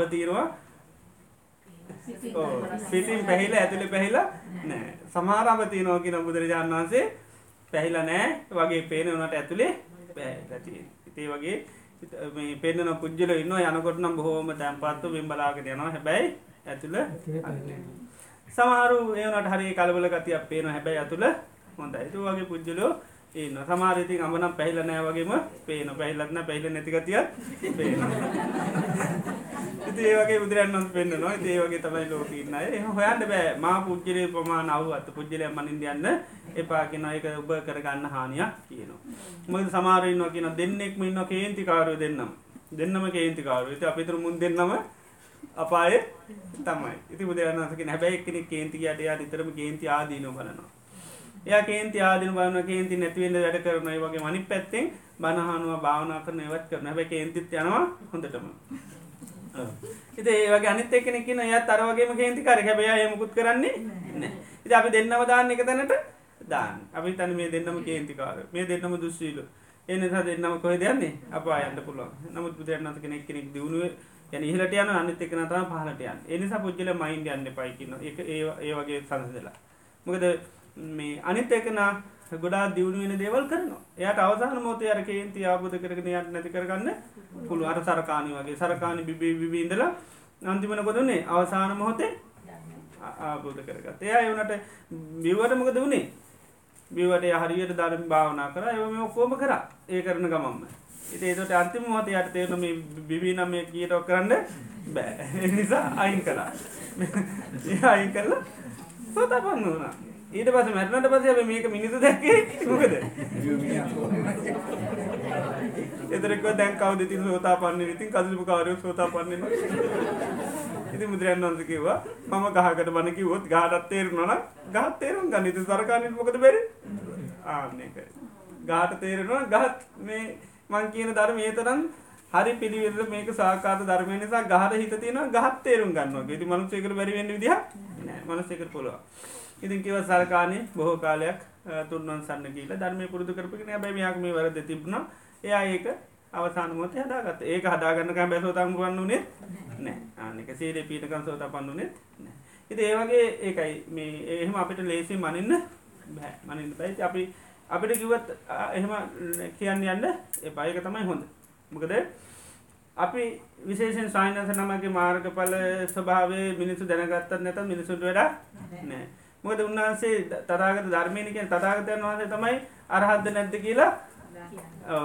උන්වහන්සේ කිව්වා ඒ අරෙන්ද මේ රහතන් වහන්සේලා තමන් වහන්සේලාගේ ස්වභාවේ තවත් රහතන් වහන්සේලාටවත් කියන්නේ. ඒකයි. ගොඩ සූත්‍ර තියෙනවා. එක එක එක දේශනයකදී අපස් නහ නහනාන යනවා. එතට ඒ සාමනස හනවා එහම වහන්ස රාතන් වහන්සේ නමද? කතා කරන්න නිසද්ද ඇත්තටම රහතන් වහන්සේ නම මේ ඉරබස් තවත් සාමනස නාරද කියල සානස නමගේ ඒ අර සාමනාස මර පස්සන ටික මහන යනවා. එත රහතන් වහන්සේ දුන්න උත්තරටි කරයක් දීගෙන යනවා. ඒ ටිකව දෙන එතට හන වහන්සේ තත්ද එත උන්නාන්සේ රහත් නෑ දැයි ඇැබැයි මාර්ග පල්ලා කැන සකදාගමනාගාමගේ කෙනෙක් අනාගාමි කෙනෙක් කියා දැය ඒක අනාගාමි කියල කියන්න ගියත් නෑ දැන් නෑ කිවොත්තේ මොකද වෙන්නේ? අරවගේ නිසද ඉන්න බෑන. දැ නිසද දුනුතුමකද මේ රාතන් ම කැඩට දැනගන්න. එති එනි සල්පමාවක්කිව ආශ්මුතුන කෙනෙ පිපාසිත වෙනවා. පිපාසිතුනා මෙයා ඉති වතුර හොයාගෙන හොයාගෙන හොයාගෙන යන කාන්තාරන්දර දැ පිපාසිත ලද හොයාගන යන යනකොටමක දෙන්නේ නිදක් කම්බින නිදක් කම්බිල වතුර දැක්ක හමක දෙන්නේ බිව්ව වගේ තමයි. එබැයි බීල තාම හැබැයි දැන් වතුර දන්නවා ඒකයි. හැබැයි යට පිපාසමක දෙන්නේ විපාස නිවෙනවායා හැබැයි බීල නිවිලා නෙවේ මේ වතුර දැකල නිවිලතිය ආන්නේ වගේ තමයි කොම ධර්මය දක්න හැබැයි තාම මේක කයින් මුලි ජීවිතම ස්පර්ශ කලන නැහැකිවා මේ ධර්මතාව දක්න මෙහමතාව මේක තියෙන්නේ. මේ ධර්මතාව දක්න විසම් මන්තාම මේක ස්පර්ශ කලන නැහැකිවා ආනක ඒක යන අනාගාමිගේ කෙනෙක් ඉතින් රහත් වෙලා ඉති ඒවගේ උන්වන්සලාට කෙලින් මේ තත්ව කියන්නේ නෑමං අනාගාමි තාම රහත්වෙන්න මේකරහෙම කියන්නගේ නෑ. ඒවගේ හරි අල්පේච්චයි මාර්ග පල්ලාබේ හරි මල්පේච්ච එහෙම කිය කියන්නේ නැහැ. ඒක මොකද අපේ මේක අවශ්‍යතාව මේක තතාගතන් වහන්සේ ධර්ම නිසා අපේ ස්වභාවයක් වැඩක් සමහර කාලවලදි සයින්‍යසල බණ කියනවා ගෝලි ඔක්කම රහත්වෙනවා ගුරුවරය රහත්? ඒක ගැල්ලුවන්නේ මොකද අරකට ගැල්ලුවන්නේ ගුරුරය රහත්තුන්නෑ කියලා. එයා එකට අවබෝධ කරගන්න බැරි පස්නයක් නෑ. මොකද ඒ ගුරුවරයක බන්න නෙවෙන එයා කියන්නේ. බුදුරජාන් වන්සේක ධර්මය කියන්න. ඉති ඒ වගේ දැන් මලිය දේව මහරහතන් වහන්සේ ගුරුවරය කවුද? අධිමාන්‍යෙන් හිටපු කෙනෙ කවුද? අධිමාන්‍යෙන් හිටපු කෙනෙ මලිය දේ මහරතන් වහන්සේ ගුරුවර අධිමාන්‍ය හිට තට උන්වහස අධිමාන්‍යෙන් ලතම කවටහන් කියල දිලති ගෝලයාට. ඉති උන්වහන්සේ රහත් වුණා. රහත්තල බැලවා ගුරුවරයා කෝමද බලන්නට මෙන්න ගුරුවරය ඉන්නේ. ඕ රහත් කියල හිතාගෙන. ඊට පත්මකත කර? පිහිට වෙන්න ගිය. ගිහිල්ල ඉතින් ඇ කතා කල විස්තර සාමන ඉදි පාතිහරයම පුළන් අපෝ පුළුවන් කිව්වා. ඉතින් ඊට වස කිවා සාමනි ඇතෙක් පමන්න පුළුවන් මෙව ඇතෙක් ඊට පස්සේ කිව ස්වාමිනි ඔය ඇතා හොඳ වැඩම ඉව කරගල උබහන්සේ ළඟට පැන්නගෙන නිතර මාණ්ඩ බැයිතුකුව අප පුළුවන් කෝක මට සුළු දෙයක්. ති මැවා ඊටවතමක දෙන්නේ එක පාට දකිනට පයතුන ඒකුදු වන්නදන ආසවාමි ඉන්ද කියන සිවරුල් සිවරුපොට අල්ලගෙන ඉඳ කරන රාතන් වන්සලට බයවෙන්න නේද? ආයතවර තමයි ගුරු තේවුණ රාත් නෑ කියල. ඉති ඒවගේ බලන්න දැන් උන්වහන්සේ සයින්නාසගේ ඉගෙන තමයි රහත්තුනි නමුත් ඒක ගුරුවගේ රහත් නොවන කියලා අර අර යට ප්‍රශ්නයක් නෑ. දෙයට ප්‍රශ්නයක් උඩේ නැහැ. දේ අයි ධර්මය අවබධ කර ගත්තා ඒවගේ ගොඩාක් ලංකාය කතා දින මහාන් සීව කියලා ස්වාමිනාසන මකින්න තිනවා විසි දහත්කොද මට මතක හැටියට රහත් ගෝල ඉදර තින හැබයි උන්වහන්සේ රහත් නෑ. කරන්නේම ධර්ම ගන්නන කෙවිත එක ගෝල බැලුව ගුරුවරයම ගෝත්තාම නෑ. ඒනිසා මෙයා ගිහිල්ලමක දෙන්න ගුරුවරයගෙන? මේ කිවම මටත් පොඩ්ඩක් මේ පාඩමක් කියල දෙන්න වෙලාවක් ගන්න බේද? එතර ඉතින් ගුරුවරය කියන කියන කියන අර වෙලා අරනමට මේන වෙලා මේ වෙලා එතර මෙයහෝ බහන්තට මැරෙන්ඩත් වෙලාවන්නෑ වගේ මට පේන්න කිවා එතට තමයි තේරුණ මෙයා මගේ ඉගෙන ගන්න නෙවේ ඊට පස්සේ තමයි උන්වහන්සෙත් තේරන මේක අනුන්ට කියල දීලාහරි විතර කරන්න මම්ම කරන්න ඇබැයි විශ්වාස තිබුණ දවසින් මට මේ කරගෙන එන්න පුල ඒ තරමට ධර්මය හොඳට දාන්න. එනිසා විශ්වාස තිබුණ මට මේක පැෑභාගය යන්න කිය ඉති එනිසා අන්තිම පොත කියන හාමුදුරට කියලා හිතුව රෑගිහිල්ල භාවනා කළ හෙටුදි රාත්තල එන්න කිය නමුත් අවුරුදු තිස් ගානක් මීඩි වඩන්න වුණා. ඒ වගේ සාමන්හන්සලා උන්හන්සල රහත්නුවට ගෝලි වන තරන් රහත් වෙලා තියෙන ඉතේ ඒ වගේ තම අපිට ධර්මයත් එහෙමයි.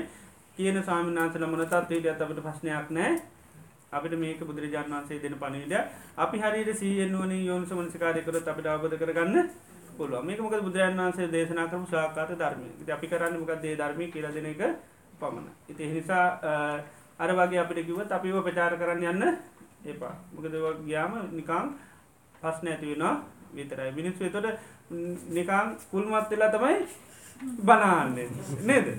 ආනගේ සයිනසල පිටි පස්සේ යන්නේ. තකොට එහෙම. එතට අවබෝධයකි යන අය නෙවේ ඒඒක එතොට ධර්මය ගෞරුවෙන් තම ඇසුරු කරන්නඩන තොට තමයි ඒ නිසා එහෙම ධර්මය හොඳ දේවල් අමුණා අනිත ඇත් එක බෙදාදුනට කමන්න නම අනවස්සය ලෙස මේවා දාන්න නැතුව කොමොන් දාන්න නැතුව නේද? ඒක ගොඩි ගහන්න නැතුව ඒම නැතුව මේ කරන්න. තොට ඉසි ගැල්ලුවක් නෑ අන්නේකමකද මේක තතාගතයන් වන්සේත තතාගතයන් වන්ස පුරුවන්තරම් උල්ලටව ගන්න. මුදුරටම දාන තතාගතයන් වන්සේ තොට තතාගතයන් වන්සේ කරේ සද්ධාව තම මිනිසුන්ට පිහිටන්ඩෝන ඒ පිහිටියට පසතා මේ ධර්මය මේ මොකද පුද්ගල ප්‍රසාදය තිබුණ ඒ බණ විතර තතාගතයන් වහන්සේක බණ පිළිගන්නේ නෑ එතේ සබි තරාගතයන් වහන්සේ තම ඉස්සරට ඉදිරිට ඉදිරි ඉදිර ගන්න. උන්වහන්සේ කරේ සද්ධහ පිටුවන්න තොට උන්වහන්සේ තගේ වතම අපි හමම කියන්න. තොට වල්ලගන්න අපිට පුළුව දැන් අපි පූජා කරන මුදුන්නා හරි මේ සරියුත් මොගලන් රහතන් වහන්සේලාට කියලා හිතලා අපි පූජා කරනවා. එතකොට ඒ හාම් පූජා කරන හාමුදුරුවෝ මාර්ගඵල ලැබුවක් තමයි අපිට ඒ අර්ථ විපාක ලැබෙනවද?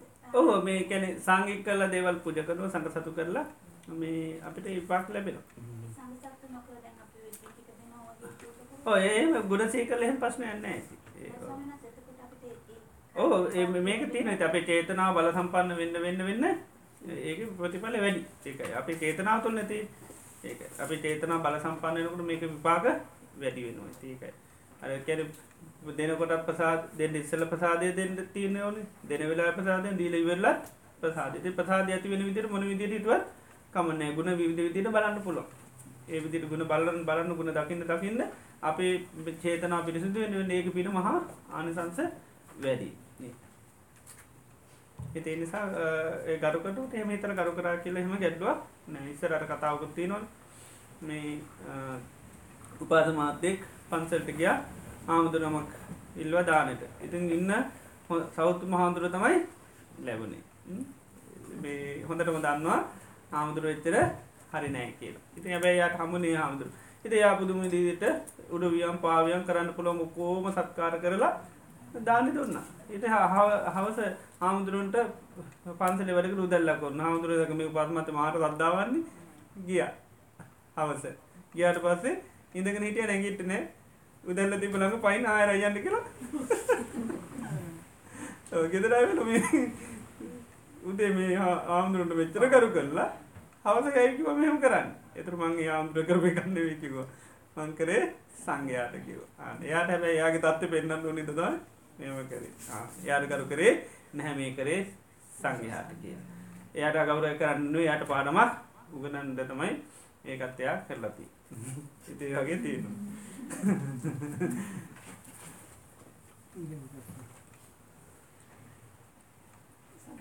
සත්‍යස් බෝධිපාක්ෂක ධර්ම උපාදාන ස්කන්ධ පංචකයේ අනිත්‍ය දුක්ඛ අනාත්ම ස්වභාවය අවබෝධය සඳහා කෙසේ ඉවහල් කර ගත හැකිද? අපිගේම පංචිපාදානස්කන්ධ අපි අනිත්‍ය දුක් අනාත්ම මේවා මේව කරන කියලා. මේ අපි අනාත්ම වසයෙන් අපි සීකන මේ රූපය පිළිබඳ අනාත්මය සීකරනවා වේදනාව පිළිබඳ සංඥා සංකාර විඤ්ඥාන එවිදිට මේ අනාත්මය සීකරන් සීකරන් සීකරන් ගොද වෙන්නේ? මුලින් ඇතිවෙන අපට ඒ පිළිබඳව සද්ධහාව ඇතිවෙන මොකද සද්ධා රූපේ දැ බුදුරන් වන්ස අනාත්මයක වන අනාත්මය කැනමකක්ද අයිති ද අපි අයිති නෑකිපුදේ අපි ඉරජෝම පිළියරන්ද තියන්නේ? එක අපි මිලියරන් නැහැ. සාමාන්‍ය මේ කත්තියන නම ලොකු පිළිගැනීම නැහැ. එදට අපි මේ විදියට මේ අනාත්ම වසයෙන් වඩන්න වඩන්න මොකද වෙන්න? අර සද්ධහ ඉන්ද්‍රිය වැඩෙනවා. සද්ධහ ඉන්ද්‍රියමකද වෙන්නේ?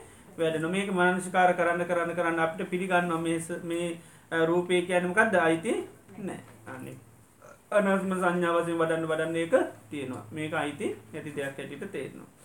එතොට ඒවගේම දැන් අපි අනාත්මයි කියලා සීකරන්න සේකන් යොනු සමංස්කාරය කරන්න කරන්න මකද වැඩෙන වීරී ඇතිවෙන වීරිය ඇතිනේ තමයි මේකට තියෙන මේ ආසාාවෙන් දිට්ටියෙන් නැතිවෙන විහිතේ වීරිය වැති අපි දන්න මේක රැල්ල ඉන්න ඉන්න මේක ග්‍රහණය කරගන්න හිතන අපි ආදීන හිතන් ආදීන හිතන් තන්මකද වෙන්න? අපේ හිතේ ලොකු බලගතු වීරයක් ඇතින මේකින්. ආන මේ මේක තියන මේ තන්නාව මේකට කැමැත් තියන කියලා දන්න මේක දිට්ටිගත වෙලා ඉන්නක නාන්නේ දිට්ටි නැතිවට කැමැත් වැඩෙන මේකින් අයින් වෙන්න ඕන කියන ඒ චන්දය කියන එක තමයි වැඩෙන් එතර වීරී ඉන්ද්‍රිය වැඩෙන ඊළඟට මේක අපි සීකරන සීකරන් සීකරනමකද අනාත්මයි කියන එක සිහ පීටනවා අනාත්මයි කියලා සිහ පීටන එක තමයි සතිඉන්ද්‍රිය සීකරන සීකරන මේක රූපය මාගේ නොවේ මම නොවෙමි මගේ ආත්මි නොවේ කියලා අර අර්ථය හොදර බලමින් සීකරන සීකන සිහ පින්න රූපය කියනමකක්ද අයිති නෑ කෙරේ සිහ බලගතුන ද අපට සිහ නෑන්. තිය නැති තම අපට රූපය අයිති නෑ කියල තේරෙන්නේ. අයිති කියල. තැද වේදනාව කටගන්න එක මගේ වේදන මේ අයිති නැති වේදනාව කියල තේරෙන්නේ නෑ. අන්න එක එතොට මේ අනාත්මය පිළිබඳ සිහ පීටනවා. ඊළඟට අපි කාලයක් මේ විදිට අනාත්ම සංඥා වඩන්න වඩන්න වඩන්න රූපය පිළිබඳමකද වෙන්නේ? හිත එකඟ වෙනවා. ඒකැන ඒ ආදීනුව බලන්න අපට සිත එකඟ වෙනවා. එත අනාත්ම කියන එක මෙනේ කර නෝන වෙලා පුලොගෙත හිතේ අරමුණට මක දෙන්නේ ඒ එකඟ වෙන ද සිතිවිලි වගේ. සමාර සිතිවිලි අපි හිතන් හිතන්න කිපමක දෙන්නේ ඕන වෙලාක හිතට අපේ හිත කැන සිතිවිල්ලට හිතදාගන්න පුළුව අකුසල් ඒව තියෙන සමහර පස්සන තියන අපේ පස්සට ගිය ගාමක දෙන්නේ හිත බැහැලා ඒක ඕන තරම් හිතන්න පුළුව ඒමකද ඒක හිතල හිතල හිතල හිතරමක දෙන්නේ හිතට ඒ සිතිවිල්ල හුරු වෙලා. ආනි වගේ මේ ආදීනුව සීකරල සීකල සීකරන් සීකරමකද මේකට සිත එකඟ වෙන මේ අරමුණ හිත එක ඒක තම ඒකාගතා වොස්සක් ගාරම්මනං කත්තා ලබති චිත්ත ඒකාගතන් කැනේ අතහරින්න කෙනෙ පුහුණු වෙනකොට ඒ සිතාන්නේ අරමුණටමක දෙන්නේ ඒකඟ වෙන හොඳට එකඟ වෙන. හිත එනිසා මේ අනාත්මයි කියලා යෝනු සමස්කාරය කරන්න කරන්න කරන්න අන්න මන ඉදිරිද වැඩෙන්නේ? ඕ සමාධීන්ද්‍රිය වැඩෙනවා. එතොට මේ රූපය අනාත්මයි අනාත්මයි කියලා බලන්න බලන්න ඒ පිටිබඳ මොකක් ඇතිවෙන්නේ ප්‍රඥාව මේක අනාත්මය තොට මේක දුකක් මිසත් තමන්ට අයිතිය එකක් නෙවේ ආනකයි එතුර දුක අවබෝධය නො එයා. එතර මේ පිටිබඳව එයා දන්නවා මේකට ඇලුම් කරන නිසා තම මේක හිනම් මේ අයිති කරගෙන තිය එන මේ අයිතිය නැති කරගත්තරමකද වෙන්නේ? මේක නැති කරගන්න පොලේ නැති කරන්න මේ විදියට භාවනා කරන්නයි ඕනියෝන් සමනසකාරය සම්මාධිට්ටි මේ ආර්යෂ්ඨාංග මාර්ගයම දියුණු කරගන්නු. දෙවිදිර යායට ප්‍රඥා ඉන්ද්‍රිය වැඩෙනවා මේ අර පංචපාදානස්කන්දය පිළිබඳ අර විදිර යෝනිසු මනස්කාරය කරන්න කරන්න ඇති අනි පැත්තෙන් ඒ පහම තමයි මේ පංචපාදානස්කන්දයට ඇතිවනේ සක්කාදිට මේ කඩාගෙන යනමුකද වෙන බලයක් බවට පත් එතුට සක්කාදිටේ ඇතිවෙන මේකට පිළිබඳ මේ කෙස් ගති ඇතිවන රාසාවල් ඇතිවනකට මොකද මේ කඩාගෙන යන්න පුළොන් ට හිත සත්තිමද තමයි මේ පංච බල බවට පත්වෙනවා දේවගේම මේ ගැන සී කරන්න සී කරමකද වෙන සති සම්බෝජ්ජන්ගේ වැඩෙනවා.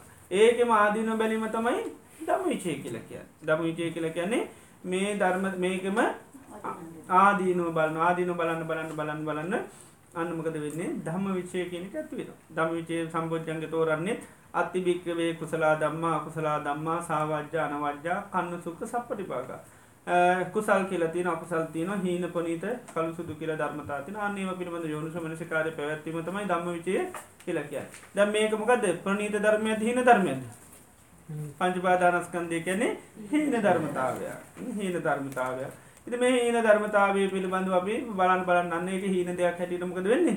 අවබෝධයනවා තේරුම් ගන්නවා. වැටහිමක් ඇතිවෙනවා ඉතිඒක තමයි දම්ම විචේ.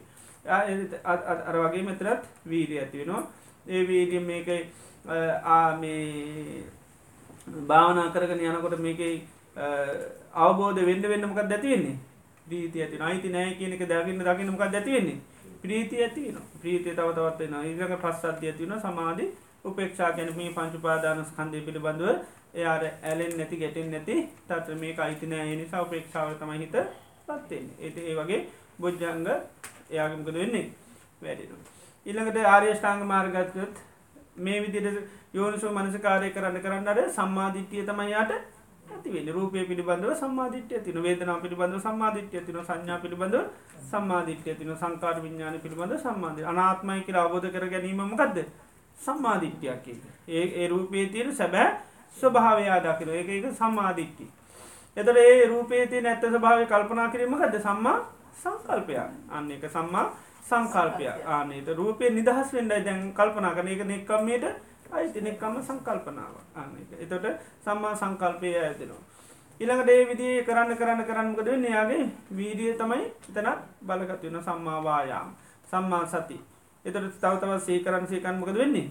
සම්මා සතිය ඇතිවෙනවා ඒ විදිට අර යෝනි සුමංස කාරය කරන්න කරන්න එතනත් තවතවත් හිත ගීල්ලමකද වෙන්නේ? සමාධිගත වෙනවා. නිවනට අංගයක් ඇට සමාධීතන වැටෙනවා. එතට කාය කර්ම වචි කර්ම වසේ මේ සම්මා වාචා සම්මාකම ඒව කල් ඇතු බුදුරන්ස් කියන භාවනා කණ්ඩ තිස්සලෙවයි අයිවෙලා තමයි කරන්න. හිතේව අයිවෙලා තමයියා කරන්නේ. ඉති ඒ විදියට කෙනෙක් යෝනිසෝ මනස්කාරය කරන වෙලා උන්වන්සිකෙන සත්‍ය බෝධි පාසික ධර්මම වැඩෙන ඇස ගැන වනත් උන්වන්සේ මහා සලායතනික් කියල සූත්‍රය ඇතින එක පෙන්න්න ඇස ගැන හෝ විදිට පෙන්නවා ඇස ගැන කෙනෙක් යත අබේ සැබෑස භාවය පන්නකොට ආනේ වෙලාවයා යම් දුෘතිය ඇතිරන එක සම්මාධිත්‍යය යම් කල්පනාවක් කරන එක සම්මා සංකල්පනාව යම් වීඩියක් එතර යෙදෙන එක සම්මාවායාම යම් සිහි අත්තිරන එක සම්මා සතිය යම් සිතේ එක භාව ඇතිරන ඒ තමයි සම්මා සමාධී එතට යාර චත්තාරෝ සති පට්ටාන භාවනාව. ඉදර සතර පරිවට්ටානය දැන් මේ පංචපාදානස්කන්ද ආදින බලනෝ කැන්මන පස්සනාව දින්නේ? දම්මානු පස්සනා අනේ දම්මාල එතර මේ දම්මානු පසනා කරන කන යාගැට මේ ඉතිපාද තමයි වැඩෙන් චන්ද චිත්ත විරිය මස්සා ඉදිපාද වැඩෙනවා. ඉළඟට සම්මා සතර සම්ය පදං වේදී වැඩෙන්නේ. දැම් මේ උපන් අකුසලයක් ප්‍රහණය කරන්න තමයි යන් කරන්න. ආක නැත නූපන් අකුස නූපදවාගන්න එම නැතම් කුසල පැත්තෙන් ගත්වත් මේ පංචපාදානස් කන්දේම ගැන මේ අවභාවනා කරන්නේමකක්ද ආන නූපං කුසලයක් උපදවාගන්න තර සතර සම්යක් පදම් වේදයාගේ තුළ වැඩෙනවා. තර අප ඉන්ද්‍රිය ගැනකිව ඔය විදියට සත්‍ය බෝධපාශික ධර්ම වැඩනොමේ යෝනිසමංස්කාරය කරනවන පංචුපාදානස් කන්දේ ගැන්. අනිත්‍ය වසයෙන් රෝග අදුකක් හැටිට රෝගයක් ගඩුවත් තුවාල අපිය කතාකර පිදිියලට බලන්න පුළුවන් දිගටම.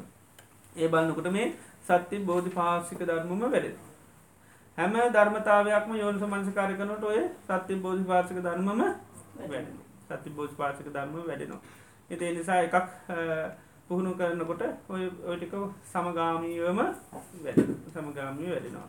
දබට තියනයට පුළුවන්තර යෝනු සුමනස් කාරය කරන්න විශේෂෙන් ඉන්දිය බල බොජ්ජංක ඔක්කෝම වැඩෙනවා. එත ඉන්දිරි ධර්ම මේ අර සත්‍ය බෝධි පාසික ධර්මම පබල වෙච්ච වෙලාක තම අපි සෝතා පන්න වෙන් එද එතකං අපිට මොකද කරන්ති නව මෝරන්ද ඕන. මෝරන්ඩ ඉතින් පුළුවන්තරම් අන යෝනිස මංස්කාරයට ආහාරය කියන්නේ එක ඒ ඒ නිසා පුළන්තරන් පංචපාදාන ස්කන්දේම ඔයාදීනු දිගට දිගට දිගටද එකම දේ කරන්න තමයි ති මේ ආහාරයක් කියලා අබෝධ කරගන්න. ති ආහාරය තියෙන දිගට ගන්න බෙහතක් කියලා අබෝධකන් බෙහත තියන හැම දාම බොන්න ඉති බොන කරමකද වෙන්නේ? අපි දන්න අනි පැත්තම මේ ඉන්ද්‍රිය ධර්ම බොජ්ජංග තරම තමයි පෝෂණය නිතේව අපට එහෙම මයි ඉන්ද්‍රිය කොච්චර වැටල තියනවද? බොජ්ජං කොච්චරල එහෙම බලන්න පුලන්කම නෑ උපමා පෙන්න්න බුදුරජාණන් වහන්සේ දැම් වෑමිටක් අල්ලගෙන කෙනෙක් කහිනවා. කාලයක් යනට අර්පෙනම ද ඇගිලි සලකුණුත් මකද වෙලා තියෙන හිටලා. ඇගිලි සලකුණ හිටලා. දැන් අල්ල මිටේ. හැබැයි යාට ඥානයක් නෑකින ඒමට ඒටිස්සල දශම එච්චර වෙන එහෙම එහෙම බලන්න ඥානයක් නෑ කියන එහෙම ඥානයක් නෑ කියන හැබැයි ඇගිලි සලකුණ හිටියට පස්සේ හිටිය කියල ඥානයක් ඇති කරගන්න පුළුවන්. ඒවගේ තමයි ආශවශ්‍යය රාට පස්සේ ආශවශ්‍යය වුණනා කියල දැනගන්න පුළුවන්. හැබැයි මන් මට ගිය සතිය තිබේ ආශ්‍රම මෙච්චරයි. ඊටිසල සතිය මෙච්චරයි. ඕමෝම අනෙහ බලන්න ඥානයන්න නෑකර බුදුරජන් වන්සම දේශනා කරන එම ඥානයක් නෑ. මට මේ මේ සාමාන්‍ය අඩු වැඩිකන්තේරෙන්ට පුළුවන්. නම තර සීරසියක් දැන්නන් තියෙන තව දසම කීපය අයින් කරන්න කියල එහෙම ඒම කර බෑකිර එහෙම ඥානයක් නෑ කියන ඉති එහෙම ඥානයන් නෑ. ඒක සෝදා පන්න වින්නත් එහෙම සකදාගාමින්ටත් එහෙම අනාගාමින්ටත් එහෙමයි එහෙමට මීට්‍රයක් තියල බලනවා වගේ මේක බලන්න විදිහක් නෑ. ඒක උන්වන්සම කියනවා. හැබැයි කීනස්මින් කීරමිති ඥානන් ශයවුනාට පස ශයවනා කියල ඥානයක් ඇති වෙනවා. ඒක ඒ ඒක අනිවාරෙන්ම තියෙන රහත්තු නාම රහත්තුනා කියලා දන්නවා. හැබ ඒට ඉස්සල්ල මම හිට තව සතියයිමට රහත්වෙන්න කියල එහෙම හිතන්න බෑ. එහෙම හිතන්න බැහැ එහෙම ධර්මතා තියලා රහත්තෙන්ට ඕන කියලා හිතුව රහත්වෙන්නේ නෑ. ආනන්ද සයින්නතට වගේ වෙනවා. ආන් සයින්නත රහත්වෙන් ඕනකම තියද්දි ඕනකම තියනින්ද රහත්තු නද නෑ රහත්වෙන් නෑ කියට නිදාගන්න කිය. එතනකදුනේ රහත් වුණා. දම්මා සංගායන හිතින් අත ඇල්ල දැම්ම මට ඕන්න දම කාන්ද යන්න ද ම මිතර වීදිය කර කර මං හෙට කියනවා ගන්නවනම් ගණ්ඩ නැත්තම් නොගයින්න. ඇයි කාසම රතනක මට අග තියරන යන්න බෑ. ඔය රහත්තල ඉන්ද ඔය දම බාන්ඩාගර කියල කරන්න දෙයන්න ම මේක තෝරගෙන තිය නොක්කම කවුද? රාතන්න අතර ඔය විතරයි සාමානකන නමුත් මේක අගති යන්නන බෑකිව්වා එතේ නිසා තමයි ඒනම් භාවනා කරා කරා කරා කරා කරමක දුනේ රහත්තුනේ නෑ. ද හෙට තමයි සම්ම සංගායන ඊට පසිතින් භාවනා කළ කළ දැන්ගිතින් රහත්තුනේම නෑ. ඊට පසේතුවා අර විදියට හිතල සීයෙන් ගීල්ලමක දුන්නේ නිදාගන්න අතරුට ලෝකෙ කවුරුවත් නැති ඉරියව්වකින් තමයි රාත්ත නිදාගනත් නෑ කියනවා ඉඳගනත් නෑ කියනවා. හිටගෙනත් නෑ කියනවා. ඒ අතර ඉරියවේ තම යන්න රහත්තේ ඉති ඒවගේර ඒ අල්ල ගැනීම තීරතාක්කල් ඒ බලාපොරොත්තු තීරතාක්කර රහත්තුන්න ඒ වගේ තියෙන්නේ. ඉති වගේ සමහරයට එහෙම මේ හොයා ගන්න බැද උන්වහන්සේට චූටි මේ කත්තිීමල තියෙන එක නමුත් ඒක පේන්නේ නෑ. චුට්ටි දෙයක් කරන්න තිබුණම ඒක එහෙම හොයන්න අමාරු ඉති ඒකයි එතට අතහැරයාට පස ඒක තම පක්ලේශ හැටිට තිබුණේ. ඒක තම උන්වහන්සට රහත්වන්න බැරුණමකද ආනාසාව සංග දම්ම සංගායනාවට යන්න. ඒකත් අතහැරමුණට පස රහත් වුණ. ඒවගේ සායනතල කීපනමකට අනුද සායනතලත් එහෙම වෙලා නු සයිනස දවසක් සාරපුත මහරතන් වන්සටකෙන ස්වාමිනි මට දහසල් ලෝක දාතු බලන්න පුළුවන්කිවා දසක් ලෝක ධාතු ඉරිදි මේ බලන්න පුළුවන්. දිවස් නුවන තියන දවත් නුව තින ලෝක ධාතු දහක් බලන්න පුළන් ඉති ඒවගේ හැකියාවත් තියෙන ඒවගේ ස්වාමිනි මට පේනවා වීරියනම් අඩුවක් නෑ. පුදුමාකාර වීරියම් මට තියෙන ඒවගේම ඒවන ස්වාමිනි මන් තාම රහත්වෙන්නේ කියලකිවා එතොට සාරිපුත මහරතන් වන්ස කියනවා අනුරුද්ධ ඔබ හිතවන මට ඔබ ඔබ හිතන මට දහසල් ලෝක ධාතු බලන්න පුළුවන් කියල ඒ ඔබගේ මාන්‍ය කිවා ගද මාන්‍ය කිව්වා. ඊළඟට මට පුදුමාකාර වීරියත්ති නොකල බහිතන ඒකබේ මොකක්ද උද්දච්චය කිව්වා. නුත්තච්චේ මම අනේ තාම රහත්වෙන්න ෑනි කියල හිතනකොබේ කුක්කුච්චේ ආන උද්දච්ච කුකුච්ච කුක්කුච්චේකිව ඕවා ගැන හිතන්නතු පංචුපාදානස්කන්දේ තියන ආන සභහයි බලන්න කිවා එතොට රහත්තය කිව අට භාවල මට දාත ලෝක ධාතු බලන්න පුළොව ඇරල. ඉත ඒවගේ නේද? චූටි දේවල්. එතට අපේ ඇල්ලිදි කොච්චර? බලගත්තු ඇත්ත. නේද? කොම ඇල්ලුවත් ඒක ලේසි නෑ. ඉතිේ නිසා ඒකයි මට දැන් ඔක්කෝම තියෙන මද විචිකිච්චාවකුත් නෑ නේද මට විචිකිච්චාව නැ ඉලපට පරාමාත නෑ ඒ විතිය ගමන් දන්නෙත් නැතුව අල්ලගෙන ඉති ඒකයි ඒකයි මං කිව්වේ හිතන්න නැතුව වැඩේ කරගන්න. වැඩේ කරගන්න කිව්වේ ඒක. ඒව බලන්න එපාගේ දැන් උන්වහන්සේලාට එහෙම ඒක. මේ අපි කාටත් තියෙන ස්වභාවයක්. ඉතින් උන්වහන්සේලා අනාගාමීලාත් එච්චර වුණා නම් අපි ගැන එහෙම කියන්න දෙයක් නැහැ. නමුත් වෙන්න ඕනේ ඒකයි. ඉතින් උන්වහන්සේලා ඒව අපිට පෙන්වලා තියෙන්නේ අපිට ලේසි. නේද? උන්වහන්සේලාට එහෙම සූත්‍ර තිබුණේ නැහනේ. ඉතින් එහෙම සිද්ධි කාටවත් වෙලා නැතිඳ ඒක අල්ලගන්න. දැන් අපිට ඒ සිද්ධිය කියලා දීලා තියෙන ඉඳ ලේසි. ඒ නිසා ඒ ධර්මතාවය සීකරන වැටෙන එහෙම වෙන කරන්න දෙයක් නැහැ. ඉතින් ඒ වගේ මේ අවසාන වෙනකොට ඒ වගේ සමාජලාට මේවා එනවා. ඉතින් ඒවා පොඩ්ඩක් හරි අල්ල ගැනීමක් තිබුණොත් පුළුවන්කමක් නැහැ.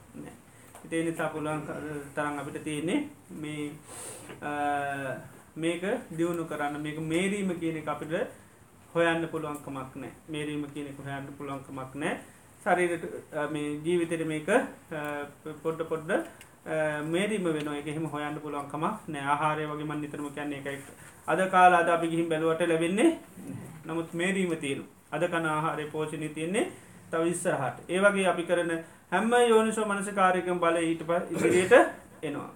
ඒ වගේ හැම අයෝනිසෝ මනස්කාරයේ බලයත් ඉදිරියට එනවා. අපි සාමාන්‍ය දෙවෝක පස්්නයන්නෑ කියලා හිතුවොත් එමක දෙන්නේ ඕ ඒක සතියක් දෙයක් හිතල බලන්න ඕනි. මොකක්ද වෙලා තියන්නේ කියලා. පොඩි දේවල් සමාටිතන්ට පොඩි පස්න සමාරයවා අපි ගානන්නතු ඒ හිතනවා. මොක දෙන්නේ සතියක් දෙක මාසයක් කැනකොට අපට ඊට පසේ කයින් කරගන්න ආනකයි පොඩි දේවල් තාම සිවුන් ඒව සමහට නමුත් මනස්කාර කරන්න කරන්නේ හරි බල සම්පන්න වෙනවා. චූටි වරද අයෝනිස මනස්කාරය කරොත් පසුතැව මුණොත්මකද වෙන්නේ? ඒකෙම හිත වැහිලයන අට අහලතිනම් ස්වායනස නමක් අත්තක් කල්ලගෙන ඔරුවට නැංග. කොල ටිකක් අතටාව උනේ මොකක්ද වරද? මහවරදත්ද නෑ. හිතල කරපු දෙයකුත් නෙවේ අල්ල ගන්නකොටම එක පාට ඔරුව ඇදිලගේ තොට කොල ටික කත්තාව නමුත් ඒ ගැන මොකද ගුණේ පවසු තැවන ඒගෙන අයෝනු සුපස තවන ගැනමක අයෝනු සමනස කාරය තමයි කරේ. ඒ කරන්න කරන්න කරන්න දුනේ ඒකෙම මුළු ජීවිත හිතම වැහිලගේ අවුරුදු විසි දහක් සිල් රැක්ක ඒ සීලේ ගැන ඔක්කොම අමතකුණා ඊට පස්සේ ඒක තමයි මදක් වුණේ ගිල්ල නාගරාජෙක්ක ලැපතන ඒ වගේ හිත බහල දාන අයෝනු සමනසකාරකෙන් හරි බල සම්පන්න. ඉති උන්ඩා සිට පස මතක් වෙන්නේ මකක්ද අර කරපු දේක ඒකතම හිත කැරකි කැර කියන විතරක වියනවා ඊට පස්සේ. ඊට පද ඒකම තමයි මතක් වෙනි ඊට පසේ කාය හරි අමාරු අයින් කරගන්න. ඇයි මතක් වෙන්නේ මේක?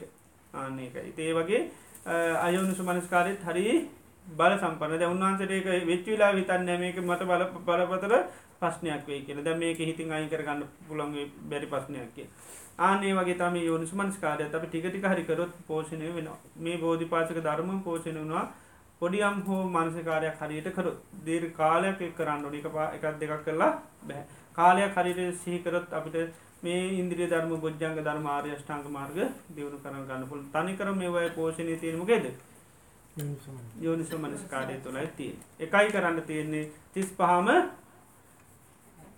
දියුණු කරගන්න පුළුවන්. එති මේවයි අදාළම දේවල් තියන ඒව යෝනිසු මනසකාරය කරන්න ොඩි කෑමවල පොඩිපොඩි වෙනස්කං විතරයි තියෙන හැබයි කණයක තමයි කරන්න. ඒවගේ යෝනිසු මනස්කාරය කරන්නේ තියෙන හැබැයි ඒකට ගන්න නිමිති අනුව පොඩිපොඩි වෙනස්කං තියෙනවා. තැන් ප්‍රීතිය මැති කරගන්න නම් ප්‍රීතියට අදාල දෙවල ඇතුනුත් පිරිති ගොඩාක් ඇති කරගන්න පුළුවන්. ඒ වගේ තියෙනවා. ඒකර කෑමවල තියෙන සමාර කෑමවල මුළු විටමින් ඔක්කොම ලැබෙන නේද? පෝෂ පදාර්ථක ඔක්කොම සමාර්කෑම ලැබෙන සමාර්කෑම හෙම ලැබෙන්නේ නෑ ඒ වගේ තමයි. ඉති ඒ වගේ මේකත් ඉන්ද්‍රිය සමකර ගන්ධ කියනවා අඩුලුඩු උනහම ඒට අදාළ දේවල් පුහුණු කරනකොට ඉන්ද්‍රිය සමකර ගන්න පුළුව ඒ කොලේම මේ ඔබහන්සේ වෙනුවෙන් පුුණ්‍ය අනුමෝදනාවක් කරලා තියෙනවා. ඒ අනිත්‍යය කියලා තැර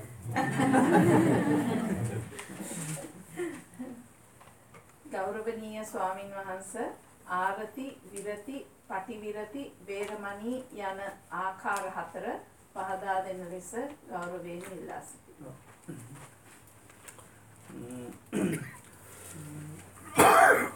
වේරමණී කියන්නේ සාමාන්‍යයෙන් අපි දැන් ප්‍රාණඝාතය ගත්තොත් අපි ප්‍රාණඝාතයෙන් දැන් මොකද වෙලා තියෙන්නේ? වැළකීලා ඉන්නේ. වේලමණී කියන්නේ. ආරති විරති පටිවිරති කියන එකේ තියෙන්නේ ඒකෙන් සම්පූර්ණ හිතමුත් ආන වැළකීලා ඉන්න. හිතෙන් ආසාවක්වත් වෙන්නේ නැහැ ප්‍රාණඝාතය කරන්න. හිතේ කැමැත්තක් ආසාවක් රතියක් කොහොමත් මේ ප්‍රාණඝාතය කියන එකට නෑ. ඒකට තමයි මේ ආරති විරති පට විරති කියන්නේ එක. එකම වචනය තමයි මේ එකම මේක කියන්නේ. එකන ඇල්ම කියන එකෙන් දුරින්ම දුරවෙලා නැති කරලා දානවා කියන මේක තියෙන්නේ. එදර දැන් ඒක අභ්‍යන්තිරිකවත් කැමැත්තක්කයාගේ අභ්‍යන්ත්‍රිකවත් තියෙන ආශාව සම්පූර්ණ මුලින්ම උපටල දාන මුලින්ම උපටල දාන ද සෝතා පන්න වෙනකොට එම ඒ ඒවට තියෙන චන්දයත් සම්පූර්ණ නැති කරලා තියෙන ආය කැමැත්තක් නෑ ඒ නිසා කවදාපත් එක උපදවන්න බැරි ඒකයි. ද අපිට වර්තමානය වසයෙන් සමල්ලාට කැමත නැමුත් ඇතුලාන්තේ රතිය තියෙන ඒකයි. සෝතා පන්න වෙනකොට ඒකයි සම්පූර්ණම මුලින්ම උල්පුටල දෙන එක ආරති විරති පට විරත් කැනයකෙන් සම්පූර්ණම කැමැත්ත කියන එක මුල් ගලවල දානවා කියන එකයි තිය මේ එතර සෝතා පන්නයට එහෙම ඒ ස්භාවය තියෙනවා. ඒ ස්භාවතින සම්පූර්ණයකින් අයින් වෙලා ඉතේ නිසාය කාදාපත් ඒවා ආසාවල් උපදවන්න පුළුවන්කම නැහැ කට්ටට ඒකම වච්චන තම අර පොඩි පොඩි මේවා තියෙන්නේ. දුරු වෙලා දුරින්ම දුරු වෙලා නැත්තටම නැති කරලකැන් ඒක. ගෞරවනීය ස්වාමීන් වහන්ස අමතකවීම වයසට යෑමත් සමඟ සාමාන්‍යයෙන් සිදුවන දෙයකි. සතිය පිහිටුවා ගැනීම හා සාමාන්‍ය ලෝකයේ දේවල් අමතකවීම පිළිබඳව ඇති වෙනස තවදුරටත් පහදා දෙන ලෙස කාරුණිකව ඉල්ලාසි. මේ ඉතින් සාමාන්‍ය දේවල් අමත කරනන්නම් කොතෙක්කමක් නෑ. ඉතින් පුලන්තරන් දැන් වර්තමානයේ මොකද දැන් ඔය රෝග මොකක්ද තියෙන්නේ? අමත කරන රෝගේ? ඒගේ ඒගේ තියෙන ස්වභාවය මොකද්ද? අතීතයේ මතකයි? වර්තමානයේ මතක නැහැ. ඉතින් අපිට තියෙන්නේ දැන් අතීතේව සාමාන්‍ය වයසට යනකොට මොකද වෙන්නේ? අතීතයේ අමතක වෙන්න පුළුවන්. ඉතින් වර්තමානයේ සිහි කරන්න පුළුවන් තරම් ධර්ම. ඉතින් ධර්මයේ සිහි කරන ධර්මයේ පිටපන්ත සිහි උපදව ගන්න පුළුවන්. එහෙම බැරි වෙන්නේ නැහැ ඉතින්. සාමාන්‍ය දේවල් ඉතින් අමතකුණාට ඒක ලොකුවට හිතන්න එපා. ඉතින් ඒවා කවුරු හරි අමතකුණ කෝයාගේ 100 කියලා අහන්නත් එපා. අපි ආනන් සමහරට නේද? ඈ? ඔයාගේ 100 කෝ කියලා. ඉතින් ඒකට ඒක ඉතින් අමතකුණාට කවන්නේ හැබැයි මොනවාරි වැරදිලා කියනොත් කෝයාගේ 100 කියලා නම් ඒවට කවන්නේ නේද? මොකක් හරි ඔන්න සම්පප්පලාපයක් කියාගෙනනකොට නම් ඔන්න හොඳට ධර්මයත් හැදිරෙන කෙනෙන්න ආනී ඔයාගේ කෝ 100 කියලා ඒවට කමන්න අනිත් අයට තාන්න යන්න එපා. ධර්මයේ සිය දියුණු කරන ඉන්න ඕනේ අපි දන්නවනේ මෙයා සිය දියුණු කරන කෙනෙක්. ඒ වගේ කෙනෙකුට ආන්න සිහි කරලා දුන්නට කමන් නෑ අම්දුර ලයිසන් එකක් ඉතින් නිසා ඉතින් සිය දියුණු කරන අයට දේවල් සිහි කරලා දෙන එක ගොඩාක් වටිනවා. අපි දන්නවා එයා සිහියට කැමති හින්දා. ඉතින් සාමාන්‍ය දේවල් ජීවිතේ ඉතින් අමතක වෙන්න පුළුවන්. ඒක ගැටලුවක් නෑ. ඉතින් දැන් අපිට සිහිය නැති වෙන්න පුළුවන්. මොකද අපි ධර්මයේ පැත්තෙන් කොහොමත් අනික් සිහිය තියෙන කාලෙත් ධර්මයේ සිහිුන්නේ නෑනේ නේද? ඒ සිහිය නැති වෙන්න පුළුවන්. නමුත් දැන් අපිට පුළුවන් තරම් තියෙන්නේ සිහිය උපදවා ගන්න යෝනිසමනසිකාරය කරන්න ආන්නේ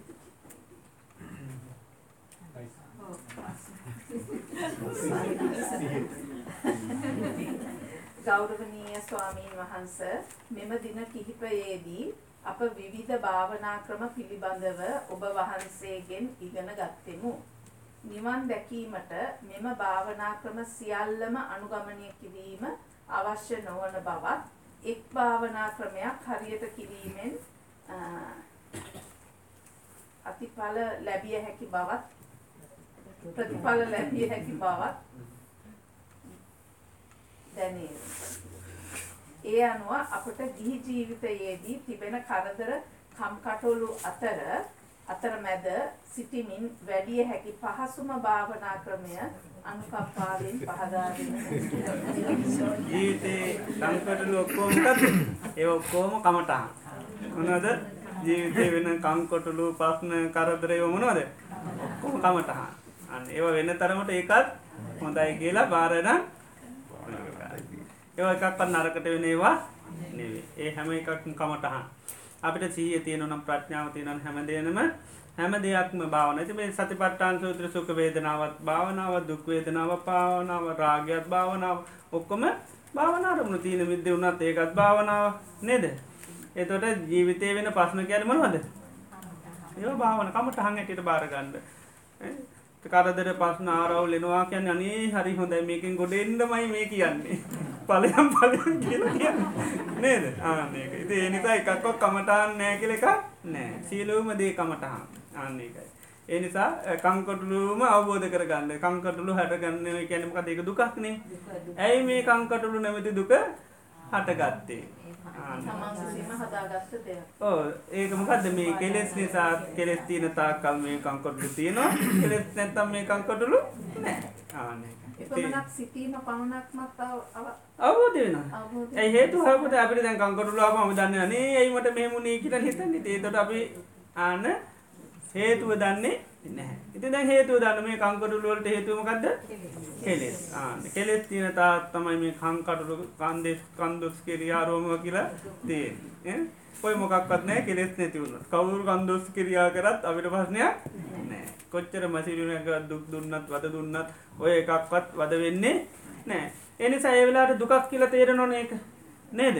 මේ අපිට මහා පස්්න ගොඩයි නේද? හිට යනවා මේට යනවා රැකයා කරන එතෙන්ට ගියාමත් බැනුම් පාරයනකොටත් බැනු මෙන්නම් අඩුයි ලංකාවෙන ගියොත්තේ ඒවත් හරි දුකයි බස් එක ගියත් දුකයි.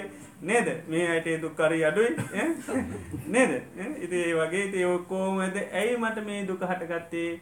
මේක මහා දුකක් කියලා සිහ පිටෝ ගන්න. ඇයි මට මේ දුක හටගත්තේ? ඉතින් බලනවා. එතොට අන්න කෙලෙස් තියෙන තාකල් මේ දුක තියෙන්නේ. මං හෙට රහත්තුනත් මේ කංකරු දුක් මුකුත් නැන කෙරෙස් නැතුන මේ දුක ඒවිදිට බලන්න ඒ කංකොටලු කියන්න මොකක්ද කමටහන පස්න කියන්නේ කමටහන රෝගයක් කියන්නේ කමටහන ඒ ඔක්කොම සතුටින් බාරගන්න විතර ඇතින් මට මේ භාවනා කරන්න කාලන තුනයි කියල එක ඒ ඔක්කෝම් භාවන. ඒ ඔක්කෝම අපි බැලුවත් හැම දේකම යථාර්ථයක් තියෙනවා. හැම දේකින් අපට ජීවිතයට පාඩමක් මිසක්කා අපිට වෙන දෙයක්න්නේ හැම දෙයක්ම පාඩම හැම දෙයක් අපිට ගැන්නීමක් කරන්න ජීවිතේ. ඒක ඒක අපිට බාරගන්න විතරයි තියෙන්නේ. ලෙඩෙක් දකිනවා කියන්නෙම කවුද දකින්නේ? දේවදූතයක් දකින්නේ. ආන්නක මරණයක් දකිනවා කියන්නේ කවුද? දේවදූතයෙක් දකින්න. පොඩිලාමේ දකිනවා කියන්නේ කවුද? දේවදූතේ පනීඩේ ලබාගන්න ඥානය නැති පශ්න පමණයි අපිට තියෙන් ඒනිසා ජීවිතය හැමදේ හැම විපතක්ම හැම කරදරයක්ම අපිට කමටහන බුදුරජාන් වන්සේ කාලේ ස්වාමීන් වන්සේ නමක් ගිය අමුසහනට භාවනා කරන්න. අහල තිරවි කතාව එතට ඒ ස්වාමින්නාන්සේ අමසෝනට ගිහිල්ල භාවනා කරන්න මේ ඉති මලකුණක් කුණු වෙච්චි මලකුණක් දිහා බලාගෙන දැන් භාවනා කරන උන්නාසකින නව දොරකින් මේ ඕජාවැකිරෙන කුණු කය අධ්‍යා බලාන්නකොට ටික වෙලා කනකොට මොකදුනේ රාගයක් ඇතිවුණ හිත හිතර රාගයක් ඇතිවුණ ඊට පස්ස පොඩ්ඩක් කළ එනට තේරුණා මකක් දුනේ කියලා. අනේ දම් මේ රාගයන් නැති වෙලති ඉතින් ඊට පස්ස උන්නාන්ස කියෙනවා සීහ පේටවාගෙන යෝනු සුමනස්කාරයතුනා බතක් ඉදන කාලයකදී රහත් වනා කිවා ද අපිට ඕගේ පස්නයක් වුණොත්තෙම අපිට මලකුණකට ආසාාවක් ඇතුනත් අපි කොතන දෙන්නේ නේද? අපි හෙනම් ගිල්ලා මොකද කරන්න. රාත්‍රයක් කපල මේ මුතුන්නේ ඇයිද යන්නේ මෙච්චර භාවනා කරන කරලා මලකුණකට ආසයිතුනා කියන්න මේ සාමාන්‍ය භාවනා කරන්න නැති මිනිස්සුත් ඇති කරගන්න නේ. එතට මලකුණකට ආස ඇතුන ගැන කොච්චර දුරලතාවය බලන්න කලකිරුන්නෑ අපි ගත්තු විශාල විපතන්නේ පොඩක් හිතන්න එක විශාල විපත භාවන කරන කෙනෙකොට නේ අපිට කේන්තියක් ගියාමත්දුක හිතෙන අපිට. නේද? අපි බානකට කේන්තියන අපට. ඕකටත් අපට කොච්චර දුක හිතනවා ම මෙච්චර බානකනට කේන්තියනවා කිය ඉති අරවාගේ මලකුණකට ආසහිතනවා කියන කොච්චර වැටිල් ලද්දි කියල බලන්න. නම ඒකට ඒ සාමනාස කලකිරුන්නේ එහෙම අපි වගේ දුගක් ඇති කරගත්ත නෑ තවත්මක දුනේ ආන තවත් මේ අනාත් භාව තේරුම්ගත මොන තරම් අනාත්මද මේ පංච පාදානස් කන්දී කියන්නේ ආවිමකටද භාවනා කරන්න. දැම් මේ රාග ඇති කරගන්න නම්මම සෝහනට ඇවිල වැඩන්න නේද? සිටියක පැත්ත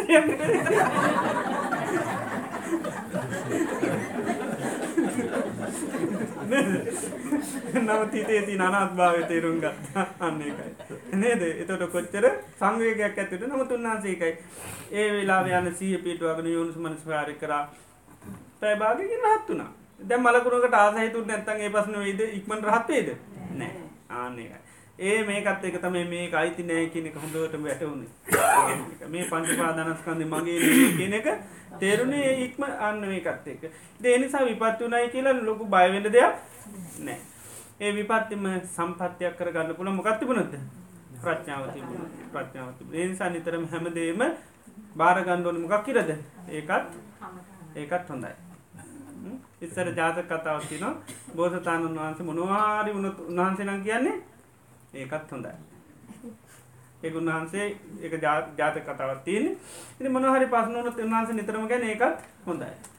ඉතින් රජට රජ කෙනෙකු ඇමති කෙනෙ ති රජතුම මොනහරකිවොත් ඒකත් හොඳයි රජතුමනි. මොනවරි පත්න කිවොත් මෙයා කියන්නේ ඒක ඒකත් හොඳයි රජු අපට පුළුවන් එන මේක මෙහෙම කරන්න ලයා ඊට පස්සේ කියනවා හැබැයි. උත්තර තියෙනවා ඉතින්. නමුත් කෙන එකත් හොඳ අරය දැන් අපි පැත්ති නෑවගේ නා එකත් හොඳයි රජතුමනි. නේද? ඉති වෙච්චි දේ බාරගෙන ඊට පසමක දෙන්නේ ඒක අදි පැතුම දැහැම දේකම දෙපැත්තත් තියෙන බලන්න පැත්ත තමයි පේෙන් ඉතින් දවසක් කොහම එනකොට රජතුමත් එක්ක මොක දුනේ කැලේ ගිය. කැලේ යනකොට ඉතින් රජතුමයි දෙන්න කැලේ යනවා. යනකොට රජතුමා වලක වැටුණා.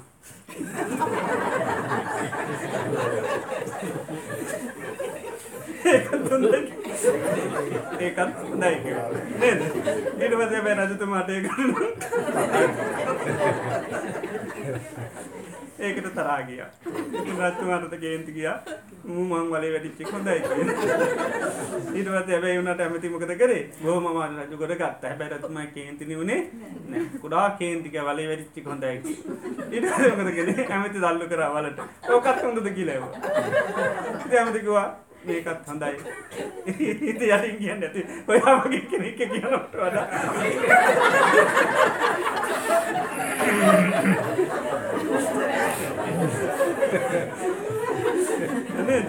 ඔයාගේ කෙනෙක් කියනුවට වඩා පල ඉට කවතයි ඉතින් කෝමරි කමන්න. ඇමති වරේ දාලා රජ දැන් තනියේ ගිය. යනකොට මොක දුනේ හෝරු කන්දායමකට අහ ඉතින් හොරුන් තෝරුණ බිල්ලක් දෙන්න.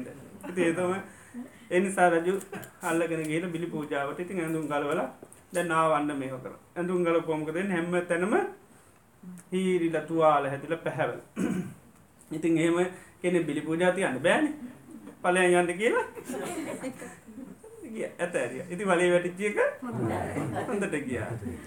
ඉති ඇමති වලේ දාප අපිකත් හොඳට ගැරංගාවන ඇමතිතම යවේ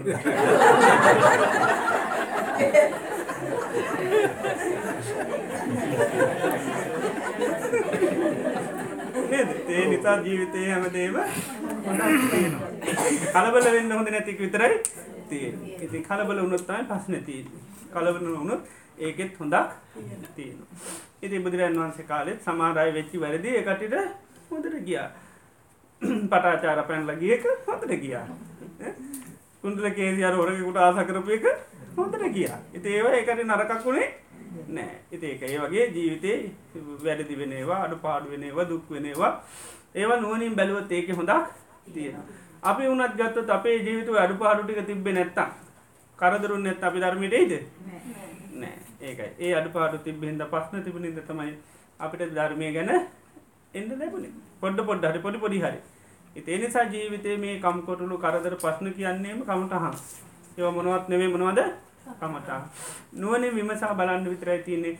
ඇයි මේ පස්්නය අටගත් ඇයි මේ දුක හටගත්ති කියල බලන්න ඊතර එතොට පුළම් ඒකම කමටහනක් කරගෙන අවබෝධ කරගන්න පුළ මුදුරන් වන්ස කාල ඒ වගේ සමාරය තමන්ගේම පස්න තමයි කමටහන් කරගත්තේ. සමාරුන්ගේ තිබ දෘෂ්ටි මිත්‍යයා දෘෂ්ටිම අය කමටහන් කරගෙන රහත් වෙලා තින භාවනා කරලා. එති බුදුරන් වන්සෙන් පෙන්න්න ලතින් ඇති එනිසා විපත්ති කර ද්‍රාවයි කියල මේ අමුතුවෙන් බයවෙන්න දෙයන්න ඒවම සිහ පිහිටවාගෙන බලන් ඇයි මේ තත්ත මේ කංකොටලු මේ පස්නති ඒකම කමටහන කරගෙන පුළුව ඊළඟට කල් ඇතු විපත්තිවලදි නොසැල ඉන්න පුළුවන්. මොකක් කරොද්ද සබ්බේහි මේ පියෙහි මනාපේහි නානාභාවෝ නිනෝ භාවයක පුරුදු කරොත්තන්න එදිනදා ජීවිතය ඔය වෙන කංකොටරු පස්නවලදී අපිට අන්න සැලට පුළමකද ප්‍රියමනා පැහැමදයක් මොකක්ද වෙන්නේ? වෙනස් වෙනවා නැතිල න ඒක පුරුදු කරොත් ඒ පුළුවන්. ඉති ඒවිදියට හැම දෙයක් හරිට පුරදුකරත් අපිට ප්‍රඥා වැඩෙනවා. ප්‍රඥාව තියෙන තැන හැම දෙයක්ම එයාට පඥා නරාණ රතනන් කියනක ප්‍රඥාව ගැනමකක්ද මහාරත්නය. ප්‍රඥාව ගැන ආලෝකයක්. ආලෝක තියෙන කෙනට ඕන දෙයක් දෙහා හරියට බලන්න පුළුවන්. එත එනිසා ප්‍රඥාලෝක ඇතිකරගත්තු අපට පස්න නෙවේ හැම දෙයකිම පුළුවන්. ඉතේ නිසා ප්‍රඥාව තියෙනව නම් විපතක් මොකදද? සම්පතා සම්පතත් සම්පත ප්‍රඥා නැතුනත්තම විපතක් විපතක් වෙනවා සම්පතත් විපතක් වෙන එතේ නිසා ප්‍රඥාව තියෙනවන ඒ නිසා ප්‍රඥාව දියුණු කරන්න කරගන්න. තොට ජීවිතය ඔය පස්සන කරදර ඔස්සේ අපට මේක යන්න පුළති බුදුරජාන් වන්සේ කාලෙත් එම තමයි ගිය අය. ඒ අයට ඒ කාලෙත් පස්සන කරදර මධ්‍යය තම එකට ධර්මය අවබෝධ කරගත්තේ. ඉතිේ ඔව්. නැති කරගන්නවා නම් ඒ සෝවන් වෙන තත්ත්වෙට ඒ ඔව්. තත්ත්වෙත් දැන් ආ තෘෂ්ණාව ඇති වෙන්නේ සක්කාය දිට්ඨිය නිසා කියලා. දැන් අපි මගේ දෙයක් නෙමෙයි නම් අනුන්ගේ දෙයකට නම් මොකක් හරි වෙන්නේ අපිට අනුකම්පාව විතරයි ඇති වෙන්නේ. ආසාව ඇති වෙන්නේ අර කියන සක්කාය දිට්ඨියනේ අපේලානේ හ්ම්. ඒක ඒක නින්දානේ අපිට දුක දැනීම හ්ම්. දුක හරි ආසාව හරි ඇති වෙන්නේ අර ස- සක්කාය දිට්ඨිය අපිට තියෙන හින්දා හ්ම්. එතකොට එතෙන්ද කොහොමද එතෙන්දත් අර විදිහටම අම්, යෝනිසෝ මනසිකාරය කළාම දැන් ආසාව නැති කරගන්න නැතුව අර සක්කාය දිට්ඨිය දැන් කරන්න පුළුවන් නේද ස්වාමීන් වහන්සේ දැන් යෝනිසෝ මනසිකාරය කරනවා මෙම යට යොන්සමන්සකාරය කරනකොට අපට තියන්නේ ආදීන බලන්න විතරයි ඒ ආදින බැලීමේදී මුලින්ම අපි දෘෂ්ටිය කැන දාගත්ත බොරුම ගතිය. තේනොත් ඒ ඒක තම ඉස්සල්ලම කැඩෙන් එතට ඒ ආදින බැලීමෙන්ම තම එක වෙන්නේ. ඒක බැලිමීම තමයි තන්නාව නැතිවන්න දැන් සමාරයට එක මාදීන බලන්නකට ඒ වෙලේම සමට රහත්වෙනවා ඒකන එයාගේ ඒක මෝතම යට දිට්්‍යයත් අයි කරගන්න පුළුවන්. තන්නාවත් අර මාන්‍ය තොක්කම එයාගේ අයිංගල යන සමාරයට එක පිළිවෙලින් පිළිවට තමයි ටික ටික ටික කැල්ලයන් එක සමාර්සෝත පන්නන්න සක්කාය දිට්ටි නැතින ඉළඟට සකදාගාමින කාමරාග තුනී වෙනවා. අනාගාමින කාමරාග නැති වෙනවා. ආරත්වනකොට මනිත් කෙෙස් නැතිව දැන් සමාරුන්ට එමනවේ එක මෝතින්ම ඒ අය අර එක මාදින බලන්නට මේක පුළුල් ලෙසටම ඔක්කොම අවබෝධය ඒ නිසාට සක්කාය දිට්ටිය කරන්න කියලා වෙනම ආදින බලන්න කියලා. කරන ඒත් මේ ආදිනෝටික්ම තමයි බලන්න තිනෙ තුර සක්කාය දිට්ටියත් නැතිවරයන්න ඉතේ නිසා එතන අපි හේතුව හේතුවක් බලනවා නේද ඔව්. සිටුේෂන් එක හේතුවක් ඔව්. බලනවා හේතුවට එතකොට අපි එතන මේ තමන්ගේ කියලා අපි හිතන නිසා දැන් අනිත් වෙන රටක මොකක් හරි ප්‍රශ්නයක් ආවොත් අපිට දුකක් නෑ මට අපේ ඔව්. රටේ ආවොත් ඕ අපිට දුකයි ඉතින් එතකොට අර ඒ දුක ඒත් ඉතින් තන්නාව නිසා නර අල්ලගන්න ප්‍රමාණ ඕ ඕ ඕ අපේ නෙමෙයි නම් ඕ අපේ ගැන හැඟීම නෑ ගියාට නේ දුකක් දැනෙන්නේ ඕ ඕ එතන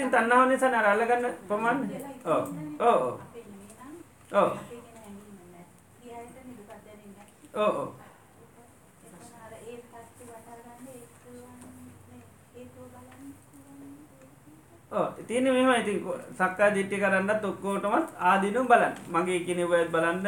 අයිතිනෑ කියනව ඔක්කෝගම තියන ආදිනු බලන්න තමයි තිීන ආදින බැලවාම ඕ හේතු නැතිවන එච්චර තින අපට නිතරම පංචපාදනස්කන්ද ආදින බලන්න සලාහිතනයන් ආදින බලන් ඒළඟට මේ ප්‍රිය කරන දේ ආදින බාමකර ද අපි පිය කරලති එතොට පිය කරලා තියෙන දේ ස්වභාව දැකගම් ප්‍රිය කරන සභාවය කැනපේ කැනල්ල ගැනීම නැති වෙන අපේ පියදාවට තියෙන දෘෂ්ටිය තිබන දෘෂ්ටියක් කර තියෙන කැමැත්තත් තිබන කැමැත්තත් නැතිවෙන මෙන ගැනීමත් තිබනම් අස්මානය එකත් නැතිවල එතට තන්නා දිටි මාන ඔක්කොම නැතන අපට තිය නාදින බලන්න පමණයි ආනාපාන සති භාවනාවෙන් සිත සමාධී වන බව දැනගෙන කුමන අවස්ථාවකදී එම සමාධිගත සිත විපස්සනා භාවනාවට හැරවිය යුත්තේද යන්න යන්නත් එසේ විප- විපස්සනාවට හැරවීමේදී අපට කළ හැකි පහසුම විපස්සනා භාවනාව කවරේද යන්න කර දෙන්න සීලාස. හොඳයි සාමාන්‍ය හිත ඉතින් සමාධිගත වනහම මේ කනතේම හරියට මවස්ථාවක් කියලා කියන එක නෙවේ මංකිවේ දැන් මේ අපේ දියුණු හැටියට බලන්නක ගොඩ කොච්චර වෙලා තමන්ට සිය පීටවාගෙන ඉන්න පුළුවන්ක අපිකින් ගොඩාක් වෙලා මේ ආනාපාන සති හොඳර සිය තියෙන ගතියක් තේරනවන. විනාඩි දහයක් හරි පහලුවක්කර විස්සක්කර තිහක්කර හොඳට ඒම සමාධිගත භාව ඇතියෙනවන ඊට පස්ස එතනින් විපසනාවට හැරෙන්ට පුළුවන්. ක්‍රම කීපයකට පුළුවන් ඒ ස- සිතේ සමාධිගත භාවීම ඒ ගන්නවා. ඒක බුදුරජාණන්සකන එකමකද පංච උපාදානස්කන්දයක් ඊට පස මේක මෙතන මේ හිත එක ගුණා කැන මෙතනත් තියෙන රූප වේදනා සංඥා සංකාර විඤ්ඥාන් මෙතන තින මේ පංචු පාදානස්කන්දයක් ඊට පස්සේ කර අනිත්‍ය සංඥාවසයෙන් වරන දුක්ක සංඥාවසින් අනත්ම සංඥාවසින් අර අප එකොළොත් සාකාරයක්කිව ඒ එකොළොත් සාකාරයෙන් හැම එකක්මනේ තමන්ට තේ දැන හොඳට හිතට වදින කීපයක් කරන්න විපස්සනා කරන්න කරන පුළුවන්.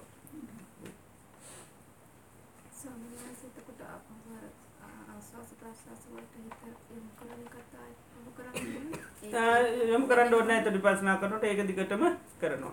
ඒ ආනාපාන සතියම අ, විපස්සනා කරන්න පුළුවන් ඒ ආස්වාස ප්‍රාස්වාස තුලම. ඒක සමහරලාට ගොඩක් සමහරලාට අ, ස්- මේ හොඳ සිහියක් තියෙනවා. සිහිය බලගතුනේ තුනත් කරගන්න අමාරුයි. ඉතින් ඒ නිසා තියෙන්නේ ගොඩක් අ, අර විදිහට මේ වුණාට පස්සේ මේ පංච පාදානස්කන්ධයක් හැටියට තේරුම් අරගෙන ඒ- ඒක වඩන්න පුළුවන්. ඒතර හුස්ම දිහා බලන්නේ නැතුව ඒක දිහා ඊට පස්සේ කරන්න පුළුවන්. එහෙම නැත්නම් අ, මේ ආස්වාද පාස්වාස සහිත මේ මේක කයක් හැටියට හඳුනගෙන මේ ආස්වාද පාස්වාස කියන්නේ කයක් හැටියට බුදිරන්නේ. ඒකනේ කායානුපස්සනාව තියෙන්නේ. එතකොට ඒ කය හට ගැනීම හේතු බලන විට මර ආහාර හට ගැනීමෙන් හට ගන්නවා. ආහාර නැතිවීම නැති ඉස්සල්ලාම හට ගැනීම හොඳට මෙනෙහි කරනවා. ඊට පස්සේ නැතිවීම වෙනකොට දෙක එකට මෙනෙහි කරනවා. ආහාර හට ගැනීම මේ කය හටගන්නේ ආහාර නැතිවීමෙන් නැති අපි අර දවසක් එහෙම පොඩ්ඩක් කරලා පෙන්නේ ඒ විදිහට කරන්නයි තියෙන්නේ. දිගට නුවණින් විමස විමස බලන්න අර්ථය තමයි හොඳට බලන්න ඕනේ මේකේ. අර්ථය අවබෝධ කරගන්න අර්ථය පිළිබඳව සිහිය පිටුව ගන්නයි මේ භාවනා කරන්නේ. එතකොට කාලයක් යනකොට හොඳට සිහිය පිටනවා මේ කය කියන්නේ මේ ආහාර හට ගැනීමෙන් හටගන්නේ ආහාර නැතිවීමෙන් නැතිවීම. ඒතර ආහාර කියනකොට මේ සතර ආකාර ආහාර නිසායි මේ ආහාර හට ගැනීම මේකයි හට ගන්නවා කියන මේ සතර ආකාර නිසා මේ කයේ පැවැත්ම විඳීම් හඳුන ගැනීම ක්‍රියාකාරකම් ඊළඟට කයට දේවල් දැනගන්න මේ සතර ආකාර ඒ ඒ ආහාර හටගත්තොත් ඒ ස්වභාවය හට ගන්නවා. ඒ ආහාර නැති වෙච්ච ගමන් ඒ ස්වභාවය මොකද වෙන්නේ? නැති වෙලා යනවා. ඒක දැන් මේ වෙලාවේ කායට මේක් දැනනොත් ස්පර්ශය නිසා දැනෙනවා. ස්පර්ශ නැතුණු ගමන් මොකද වෙන්නේ නැති වෙනවා. මේ කාය ක්‍රියාකාරමක් වුණත් එහෙම චේතනා පාලනකට කරනවා චේතනාව නැති වෙච්ච ගමන් ඒ ස්වභාවය නැති වෙලා යනවා. නිතරම හේතු නිසාට ගන්නවා. හේතු නැතිවීම නැතිර මෙතන අවබෝධ කරගන්න මේ කාය කියන්නේම හේතු හටගත්තොත් හටගන්නවා හේතු නැතිවීමේ නැතිවෙන ඒකයි. යංකින්චි සමුදේ දම්මම් සබ්බන්තන් නිරුද්ධම් මේ හේතු හට ගැනීම යමක් හටගන්න හේතු නැති වෙච්ච ගමන් ඒක මොකද වෙන්නේ? නිරුද්ධලා යනවා. ඒ ස්වභාවය නැති වෙලා යනවා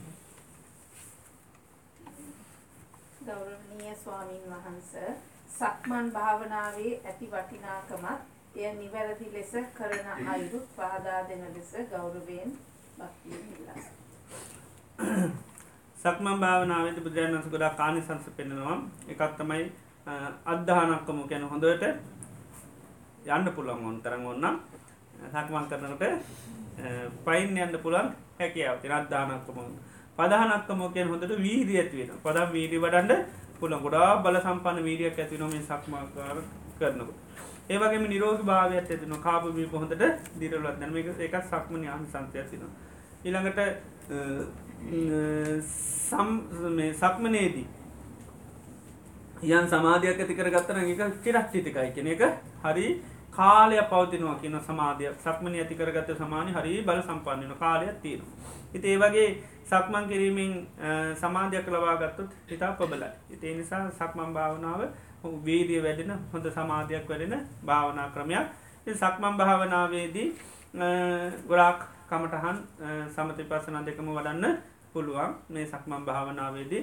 යානාපාන සති වගේ සිවුන් එකත් තමයි අමාරු. අනිත් භාවනා ගොඩක් මේ සක්මන් භාවනාවේදී කරන්න පුළුවන්. අපි අට්ටික සංඥා වර්ණ කෙනෙන්න යාට අට්ටික සංඥාව සක්මන් භාවනාවදි කරන්න පුළුවන්. විපශනා වර්ණ කෙරෙන්න විපශනා කරමින්ම සක්මන් කරන්න පුළුවන්.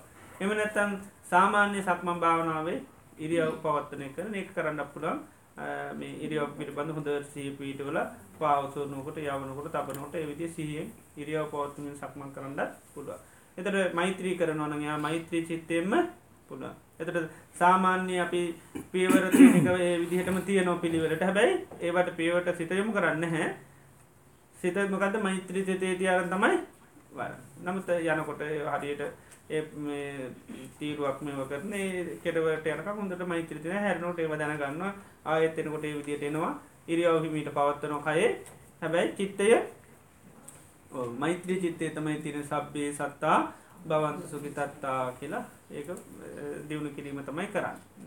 ඒ මෛත්‍රී චිත්තයෙන් පවත්තමින් එය සක්මන් කරන්න පුළුව එතොට ඒකෙදෙ සමාධිය වැඩෙනවා. සමාධිය හැටියට භාවනා කර සමාධී වැඩෙනවා. විපසන භාවනාකරොත් පසනට සමාධ සයිනතර රහත්වයන්න සක්මන් කරනකට. බුදුරජන් වන්ස කාලේ ගොඩා ස්වාමිනසරයි කතාතින එක ස්වාමිනසන මන්නාගත මාල කියලා. උන්වහන්සේ සක්මන් කරනකට නිදිමතේ ඇද වැටෙනවා. නිදිමතේ ඇද වැටන සක්ම මඩුවම ඇද වැට උන්වන්සේ ඊට පස කියන මංගති වැලි පිහිදාගෙන ආය සීහ පිහිටුවාගෙන ආය සක්මන් කරා. කෙරවට යනකුට රහත්තුනා අනුවා. නිදිමතේ වැටිලා ඊට පස්සේ ආය සක්මන් කරන රහත් වෙනවා. ඉතින් ඒ වගේ මොකද උන්වහන්සේලා හරිය සංවේගය ඇති කරගෙන මේකේ අනාත්ම ස්වභාවය බලලා ඉතින් ඒ විපස්සනා කරමින් තමයි සක්මන් කරන්නේ. අන්න එතකොට ඒ වෙලාව උන්වහන්සේ පොඩි කාලයක් තුළ උන්වහන්සේ කියන සක්මනේම රහත් වෙනවා. අන්න ඒක පොඩි කාලයක් තුළ. ඉතින් ඒ වගේ මේ සක්මන් භාවනාව තුළ මේ සම්පූර්ණ මේ අපිට මේ බෝධිපාශික ධර්ම වඩන පුළුවන් සක්මන් භාවනාවේදී මේ සමාධිය පමණ නෙවෙයි බෝධිපාශික ධර්මම වැඩෙනවා. එතකොට ඒක සමථ විපස්සනා වශයෙන් කරන්න පුළුවන් සක්මන් භාවනාව. ඉතින් එක ක්‍රමයක් විතරයි මේ අපි පියවර පිළිබඳව සිහිය පවත්වන ඒකම විතරන්න මේ සක්මන් භාවනාව කියන්නේ අනිකුත් හැම භාවනාවම සක්මනේදී කරන්න පුළුවන් සතර ඉරියව්වෙම කරන්න පුළුවන් සමහර භාවනා අරමුණු තමයි සියුම් ඒවා තියෙන්න පුළුවන් ඒවා ටිකක් තමන්ට සක්මනේදී අමාරු. නමුත් ගොඩක් දේවල් සක්මන් භාවනාවේ කරන්න පුළුවන්. සම්මත මෛත්‍රී භාවනාව කරන කරනකොට දැන් ඉස්සෙල්ලා අපි තමන්ට කරනවා අර ඉඳගෙන ඉන්න කරන ක්‍රමයටම තමයි. ඉඳගෙන ඉන්න ක්‍රමයට තමයි ඒ සිතම තමයි ආය නතර කරන්න ඇද අපි ඉඳගෙන ඉන්නකොට ඔන්න මෛත්‍රී චිත්තේ වැඩුව දිසා වශයෙන් වැඩුව නම් ඒ විදිහටම නැගිට මේ සක්මන් කරන්න පටන් ගත්තට පස්සේ එතන දිසා වශයෙන් අමාරු නිසා සියලුම සත්‍යයන් අරමුණු කරගෙන ඊට පස්සේ දිගට අර විදිහටම තමයි සක්මන් කරන්නේ. මෙම අර මෛත්‍රී භාවනාව මං කිව්වේ දැන් මේක අපිට හුදෙක් නොකරයි කියලා කිසි ගැටලුවක් නැහැ කරා කියලා ප්‍රශ්නයක් නැහැ මේක කරන්නේ Tamanටම තමයි. මේ අනුන්ට මෛත්‍රී කරනවා කියලා කරන්න මොකේද? Tamanට කරගන්න එක. මේක අනුන්ට කරන එක නෙවෙයි. ඒක Tamanට ඉන්නේ අනුන්ටත් යනවා. නමුත් මේක ඉර්ජුවම මේකේ ප්‍රතිඵලයේ තියෙන කාටද? Tamanට ඒකයි. අපි හුදෙක් සුවපත් ඒවා කිව්වත් නැතත් අපි සුවපත් වෙන අපේ මේ කෙලෙස් අඩු කරගත්තොත්. ඒක නිකන් කිව්වත් නැතත් ඒක වෙනවා. ඉතින් අපිටත් පීඩාකාරී අසහනකාරී ස්වභාවයන් තියෙන වෙලාවක උන්න තමන්ටම අපි කියන්නේ අපිත් එක්කම දේශේ වගේ තියෙන අවස්ථා තියෙන පුළුවන්. එහෙනම් ඒ වෙලාවට ඕනනම් කරගත්තට ප්‍රශ්නයක් නැහැ. නමුත් මේ මේක හුදෙක් මෛත්‍රී කරනවා කියන්නේ කාටවත් කරන එකක් නෙවෙයි. ඒකයි බුදුරජාණන් වහන්සේ එමෙ දේශනා තුළ තමන්ට ඉස්සෙල්ලා කරන්න කියලා එහෙම කියන්නේ මුළු අනේක දිසා වශයෙන් කරන්න කියලා තමයි හැම තැනම මෛත්‍රී භාවනාව ගන්නන තැන් උගන්වන්නේ. කර්ණිමිත සූත්‍රයේවත් කියන්නේ නැහැ නේ. ඒකෙත් කියන්නේ දැක්ක නොදැක්ක අර මුළු සත්වයෝම එකතු කරගෙන මෛත්‍රී චිත්තය වටන ඒවම්පි සබ්බ භූතේසු මාන සම්භාවේ අපිට මන දෙකටම තමන්ට කරන්න මේ කියන අනුන්ට කරන්න තමයි කියන්නේ. පස්සේ මෛත්‍රී කරන ක්‍රම හදපු ගාතාවක් තමයි ආංගවේ රෝමි අභ්‍යාපජ්ජෝමි අනික බුදුරජාණන් වහන්සේ කර්ණමීත සූත්‍රයේ තමයි තියෙන සබ්බේ සත්තා භවන්ත සුඛිතත. ඒවා කරා කියලා කිසි වරදක් නැහැ ප්‍රශ්නයක් නැහැ. නමුත් අර ලේසියෙන් මේ බුදුරජාණන් වහන්සේ අර ක්‍රම කියලා තියෙනවා. ඉතින් මේක මේ ඇත්තටම හිතන්න එපා මේ අනේ මට මෛත්‍රී කරගන්න නැහැ කියලා හිතන්න එපා. මේක තනිකරම Tamanට තමයි කරන්නේ. මේක මේ කාටවත් නෙවෙයි මම ඒකයි කිව්වේ දෙයක් දෙනකොට මේක අනුන්ට දෙනවා නෙවෙයි කාටද දෙන්නේ? Tamanට දෙන්න. ඒ වගේම එකක් තමයි මෛත්‍රී කියන්නේත් ඒකයි. වෛර කරනවා කියන්නේ මේ අනුන්ට කරන වෛරයක් නෙවෙයි ඒක කරන්නේ Tamanට. ඒකම තමයි. නේද? වෛර කරනවා කියලා අපි අනුන්ටනේ කරන්නේ. නමුත් කරගන්නේ කාටද? Tamanට. ඉතින් ඒක මෛත්‍රී කරන්නේත් ඒක තමයි. අනුන්ට කරනවා නෙවෙයි Tamanට කරන්නේ.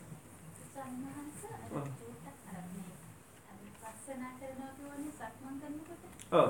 ඒක එතකොට ඒ කරන්නේ දැන් එහෙමත් පුළුවන් අර දැන් අපි කියමු මේ පංච උපාදානස්කන්ධය පිට විපස්සනා කරා කියලා ඒ චිත්තෙම ඇවිල්ලා සක්මන් භාවනා කරන්න එච්චරයි. රූපේ පිළිබඳව අර ආදීන හිතන විදිහටම හිතන්න පුළුවන් වේදනා සංඥා සංකාර විඤ්ඤාණ පංච උපාදානස්කන්ධය. නැත්තම් සබ්බේ මොකද සබ්බේහි මේ පියෙහි මනාපේහි කියන එක නම් ඉඳගෙන ඉන්නකොටත් කියලා ඒකම සක්මන් කරනකොටත් පුළුවන්. ඒ. මේ නම් වහන්සේගෙන් පිළිතුර කලින් ලැබුණා. ඒත් මම කියන්නම් අසල. මීට පෙර බුද්ධ ශාසනවලදී මාර්ගඵලලාභීන් බෝසතාණන් වහන්සේ දුෂ්කර ක්‍රියා කරන කාලය තුලදී දෙව්ලොව හෝ බ්‍රහ්මලොව සිටියේද? ඒක කලින් අහපු ප්‍රශ්නයක් මායි කියන එක තමයි එසේ සිටියේ නම් බෝසතාණන් වහන්සේ දුෂ්කර ක්‍රියා කරන අවස්ථාවේදී උන්වහන්සේට මාර්ගය නොකීවේ. ඒක ධර්ම බුදුරජාණන් වහන්සේලාට කවුරුත් කියලා දෙන්නේ නැහැ. ඒකයි. ඒතර සම්මා සම්බුද්ධ වෙන්නේ නැහැ. ඒ නිසා මේ එහෙම මාර්ග කියලා දෙන්න යන්නේ නැහැ. උන්වහන්සේම හොයාගන්න. ඒක තමයි ධර්මතාවය. ඉතින් බ්‍රහ්මිය ඉන්නවා බ්‍රහ්ම ලෝකවල ඒකයි. බ්‍රහ්මයන් හිටියට එහෙම බුදුරජාණන් වහන්සේට ඇවිල්ලා කමඨාන් කියලා දෙන්න යන්නේ නැහැ. ඒකයි. ඒ නිසා දැමුත් බ්‍රහ්මයා කියන්න ඕනේ උදයන් වහන්සේ කියලා තියෙන්නේ. නේද? මහා බ්‍රහ්මයා ඇවිල්ලා කමඨාන් දෙනකන් ඉන්න ඕනේ. ස්වාමින් වහන්සේ චිත්තානුපස්සනාව හා ධම්මානුපස්සනාව අතර ඇති වෙනස පැහැදිලි කර දෙන ලෙස ඉල්ලා චිත්තානුපස්සනාවෙන් කරන්න හුදෙක් සිත ඇරන් සිතවිලි අපි තින රාග සිත කියල කියන දේශ සිත මෝහ සිත ඉළඟට නොසන්සුන් හිත ඒවගේ සිත්තියනු. ඉළඟට විරාගේ සිත්තින අලෝභ සිත අදෝස සමූහ සිත සංසුන් සිත අනුත්තර කැන උතුම් කැන අපි මාර්ග අවස්ථාවලද සිත්තියනවා ඒවා අනුත්තර හිත්තියනවා. ඒවගේ සිත පිළිබඳවම කරන එකතුම චිත්තානු පස්සනාවති කරන්න. එතට දම්මානු පසනාවේදී සියලූම ධර්මතා ඒක කුසල් ලකුසල් සීල අපි දම්ම කියනනේ ඒ හැම ධර්මතාවයම කිරීම එක කොට සක්තමයි බුදුරන් වන්සේ පල්මි පංච නීවරණ පෙන්න්නන ඊට පස්සේ බොජ්ජංග පෙන්නවා ඊළඟට මේ පංචපාදානස්කන්ද සලායතන ආර්යෂ්ඨාංක මාර්ගය ඔය ටික පෙන්න්නනවා. එතේද දම්මානු පස්සනාවේදී ධර්මතා පිළිබඳ ධර්ම කියන කොටස් හැම එකක්ම අනුපසනා කිරීම තම දම්මාන් පස්සනාවති කරන්න ඒ කොට සත්මයි සතිපට්ටාන පෙන්න්නන්නේ. එතොට සිතේ හටගන්න ධර්මතා තමයි අපි දම්මාන් පස්සනාකන් හුදෙක් සිතවිලි ඇරං කරන එක තමයි චිත්තාන් පස්සනාව තිය එකයි. හිත පමණක් අරගෙන කරනවා. ඒකම මේ දැන් නීවරණගත් දහමත් සිතේ හටගන්න රාගේ ඒක මකද ව්‍යාකාමත් චන්ද ව්‍යාපාද ඒවා මේ දමාන පස්සනාවත් බුදුරජාන් වන්ස පෙන වද සිතිවිඩිය විදිහට ඇරම් විපස්සනා කරන්න. මේකැන් සිය පීටවා ගන්න. ස්වාමීන් වහන්සේ එතනදි කරන්නේ චිත්තාන් පස්සනාවේදී දැන් මොන හරි සිතිවිල්ලක් ආවම මේ සිතිවිල්ල අඳුනා ගන්න එකද දැන්? ඕ ඒකන සරාගංවා චිත්තන් සරාගන් චිත්ත රාග සිතන් රාග සිතක් කියලා හඳුනගන්න ඊට පස්සේ තමයි ඇයි මේ රාග සිත හටගත් ඒක තමර විපස්සනා කොටස. ඒ තමයි මේ ඕ කැන රාග සිත හටගත නාම රූප හට ගැනීම. ඒක තමයට සමුදේ දම්මානු පස්සීව චිත්තත්ම විරති ගැන හට ගැනීම වලම වාසය කර එතර සිතාවට පස්ස බලන්න ඒ මට මේ සිතක් හටගත්ත. ඊට පස්ස තමයි අන්න බලන මේ නාමරූප හට ගැනීමෙන්තා මේ හටගත්තේ. එන නාමරූප හට ගැනීම මේ හිතට ගන්න නාමරූප නැතුනොත් මේක නැතිවන ඒ ඒක බලනකොට මොද අර රාගසිත ඒක එදිනෙදා ජීවිතේ හැම මොහොතකම ඒක භාවනාවක් චිත්තාන ඕ කරන්න පුළුවන්. ඒ කර දැන් වෙලා තියෙන අපිට අර පූර්ව භාග සිහිය නැති ප්‍රශ්නේ නැති ඒ පූර්ව භාග සිහිය ඇති කර ගන්න ඕනේ. ඒකට කරන්න මොකද තියෙන්නේ? මේ සිතිවිලි වල තියෙන ආදීනු ගන්න රාගයේ තියෙන ආදීනු සාමාන්‍යයෙන් ඉන්නකොට හිතන්න ඕනේ. දේශය ආදීනු හිතන්න ඕනේ. මෝහය ආදීනු හිතන්න ඕනේ. ඒවා සාමාන්‍යයෙන් ඉන්නකොට කරන්න ඕනේ. ඒ ඒ කරපුවාම මොකද වෙන්නේ? මේ සිතිවිලි පිළිබඳව සාමාන්‍ය සිහියක් තියෙනවා. ඒ සිහිය තිබ්බහම තමයි සිතිවිල්ලක් එනකොට අපිට සිහිය උපදව ගන්න පුළුවන් වෙන්නේ. ඉතින් ඒක ධර්මයේ කල්ැතුව පුහුණු කරලා තියෙන්න ඕනේ. නැත්නම් එකපාරට මේ එනකොට අපිට කරන්න පුළුවන්කම නැහැ. ඉතින් ධර්මයේ හරියට දේශනා කරන්න මොකද දාවුද ගබඩාවක් වගේ. දාවුද කල්ැතුව පුහුණු වෙලා තියෙන්න එපේ. ඒ වෙලාවට එනම් පුළුවන්ද? බෑ.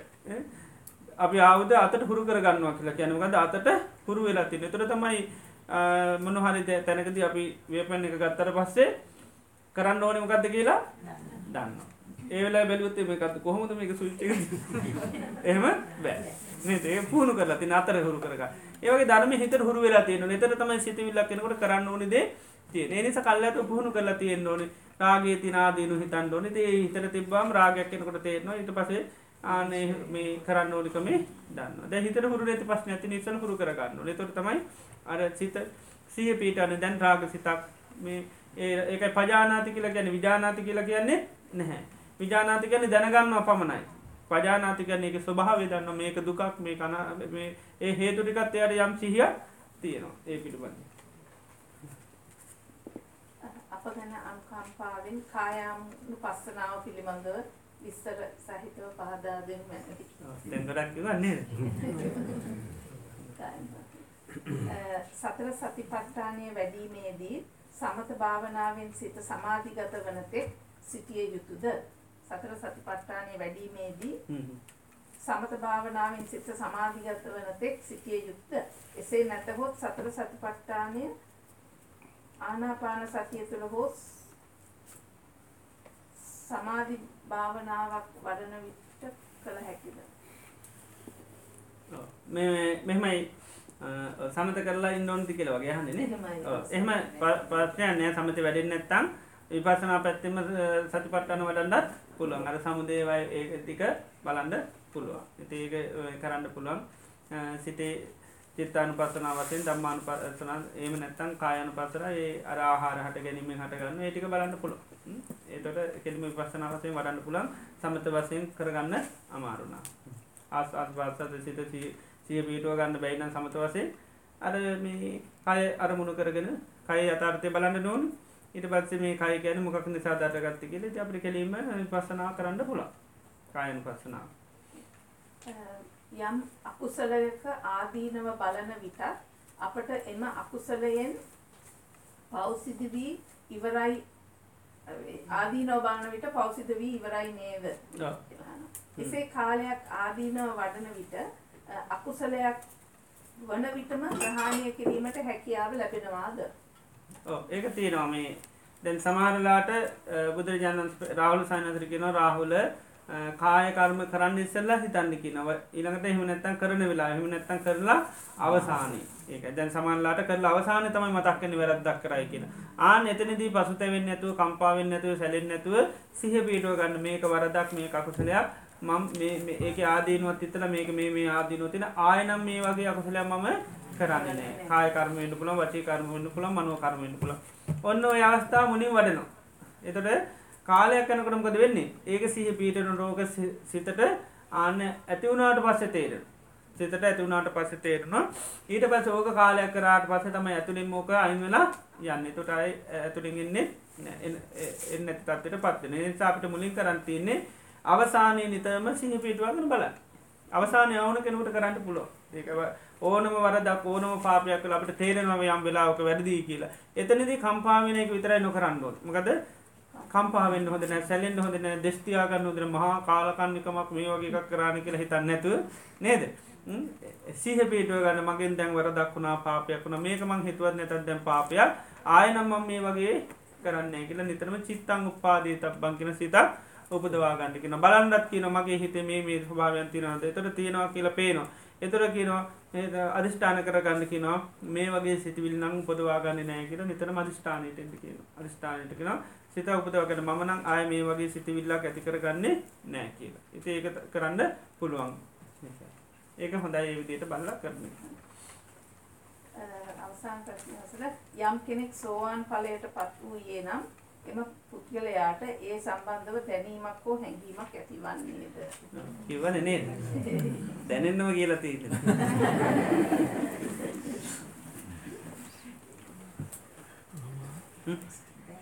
එහෙනම් දැන් ඊළම් පතර නැතර කරමු. නැත්තම් කලන්තය දෙක. දැන් පෝෂණය දෙක. ඒක තමයි.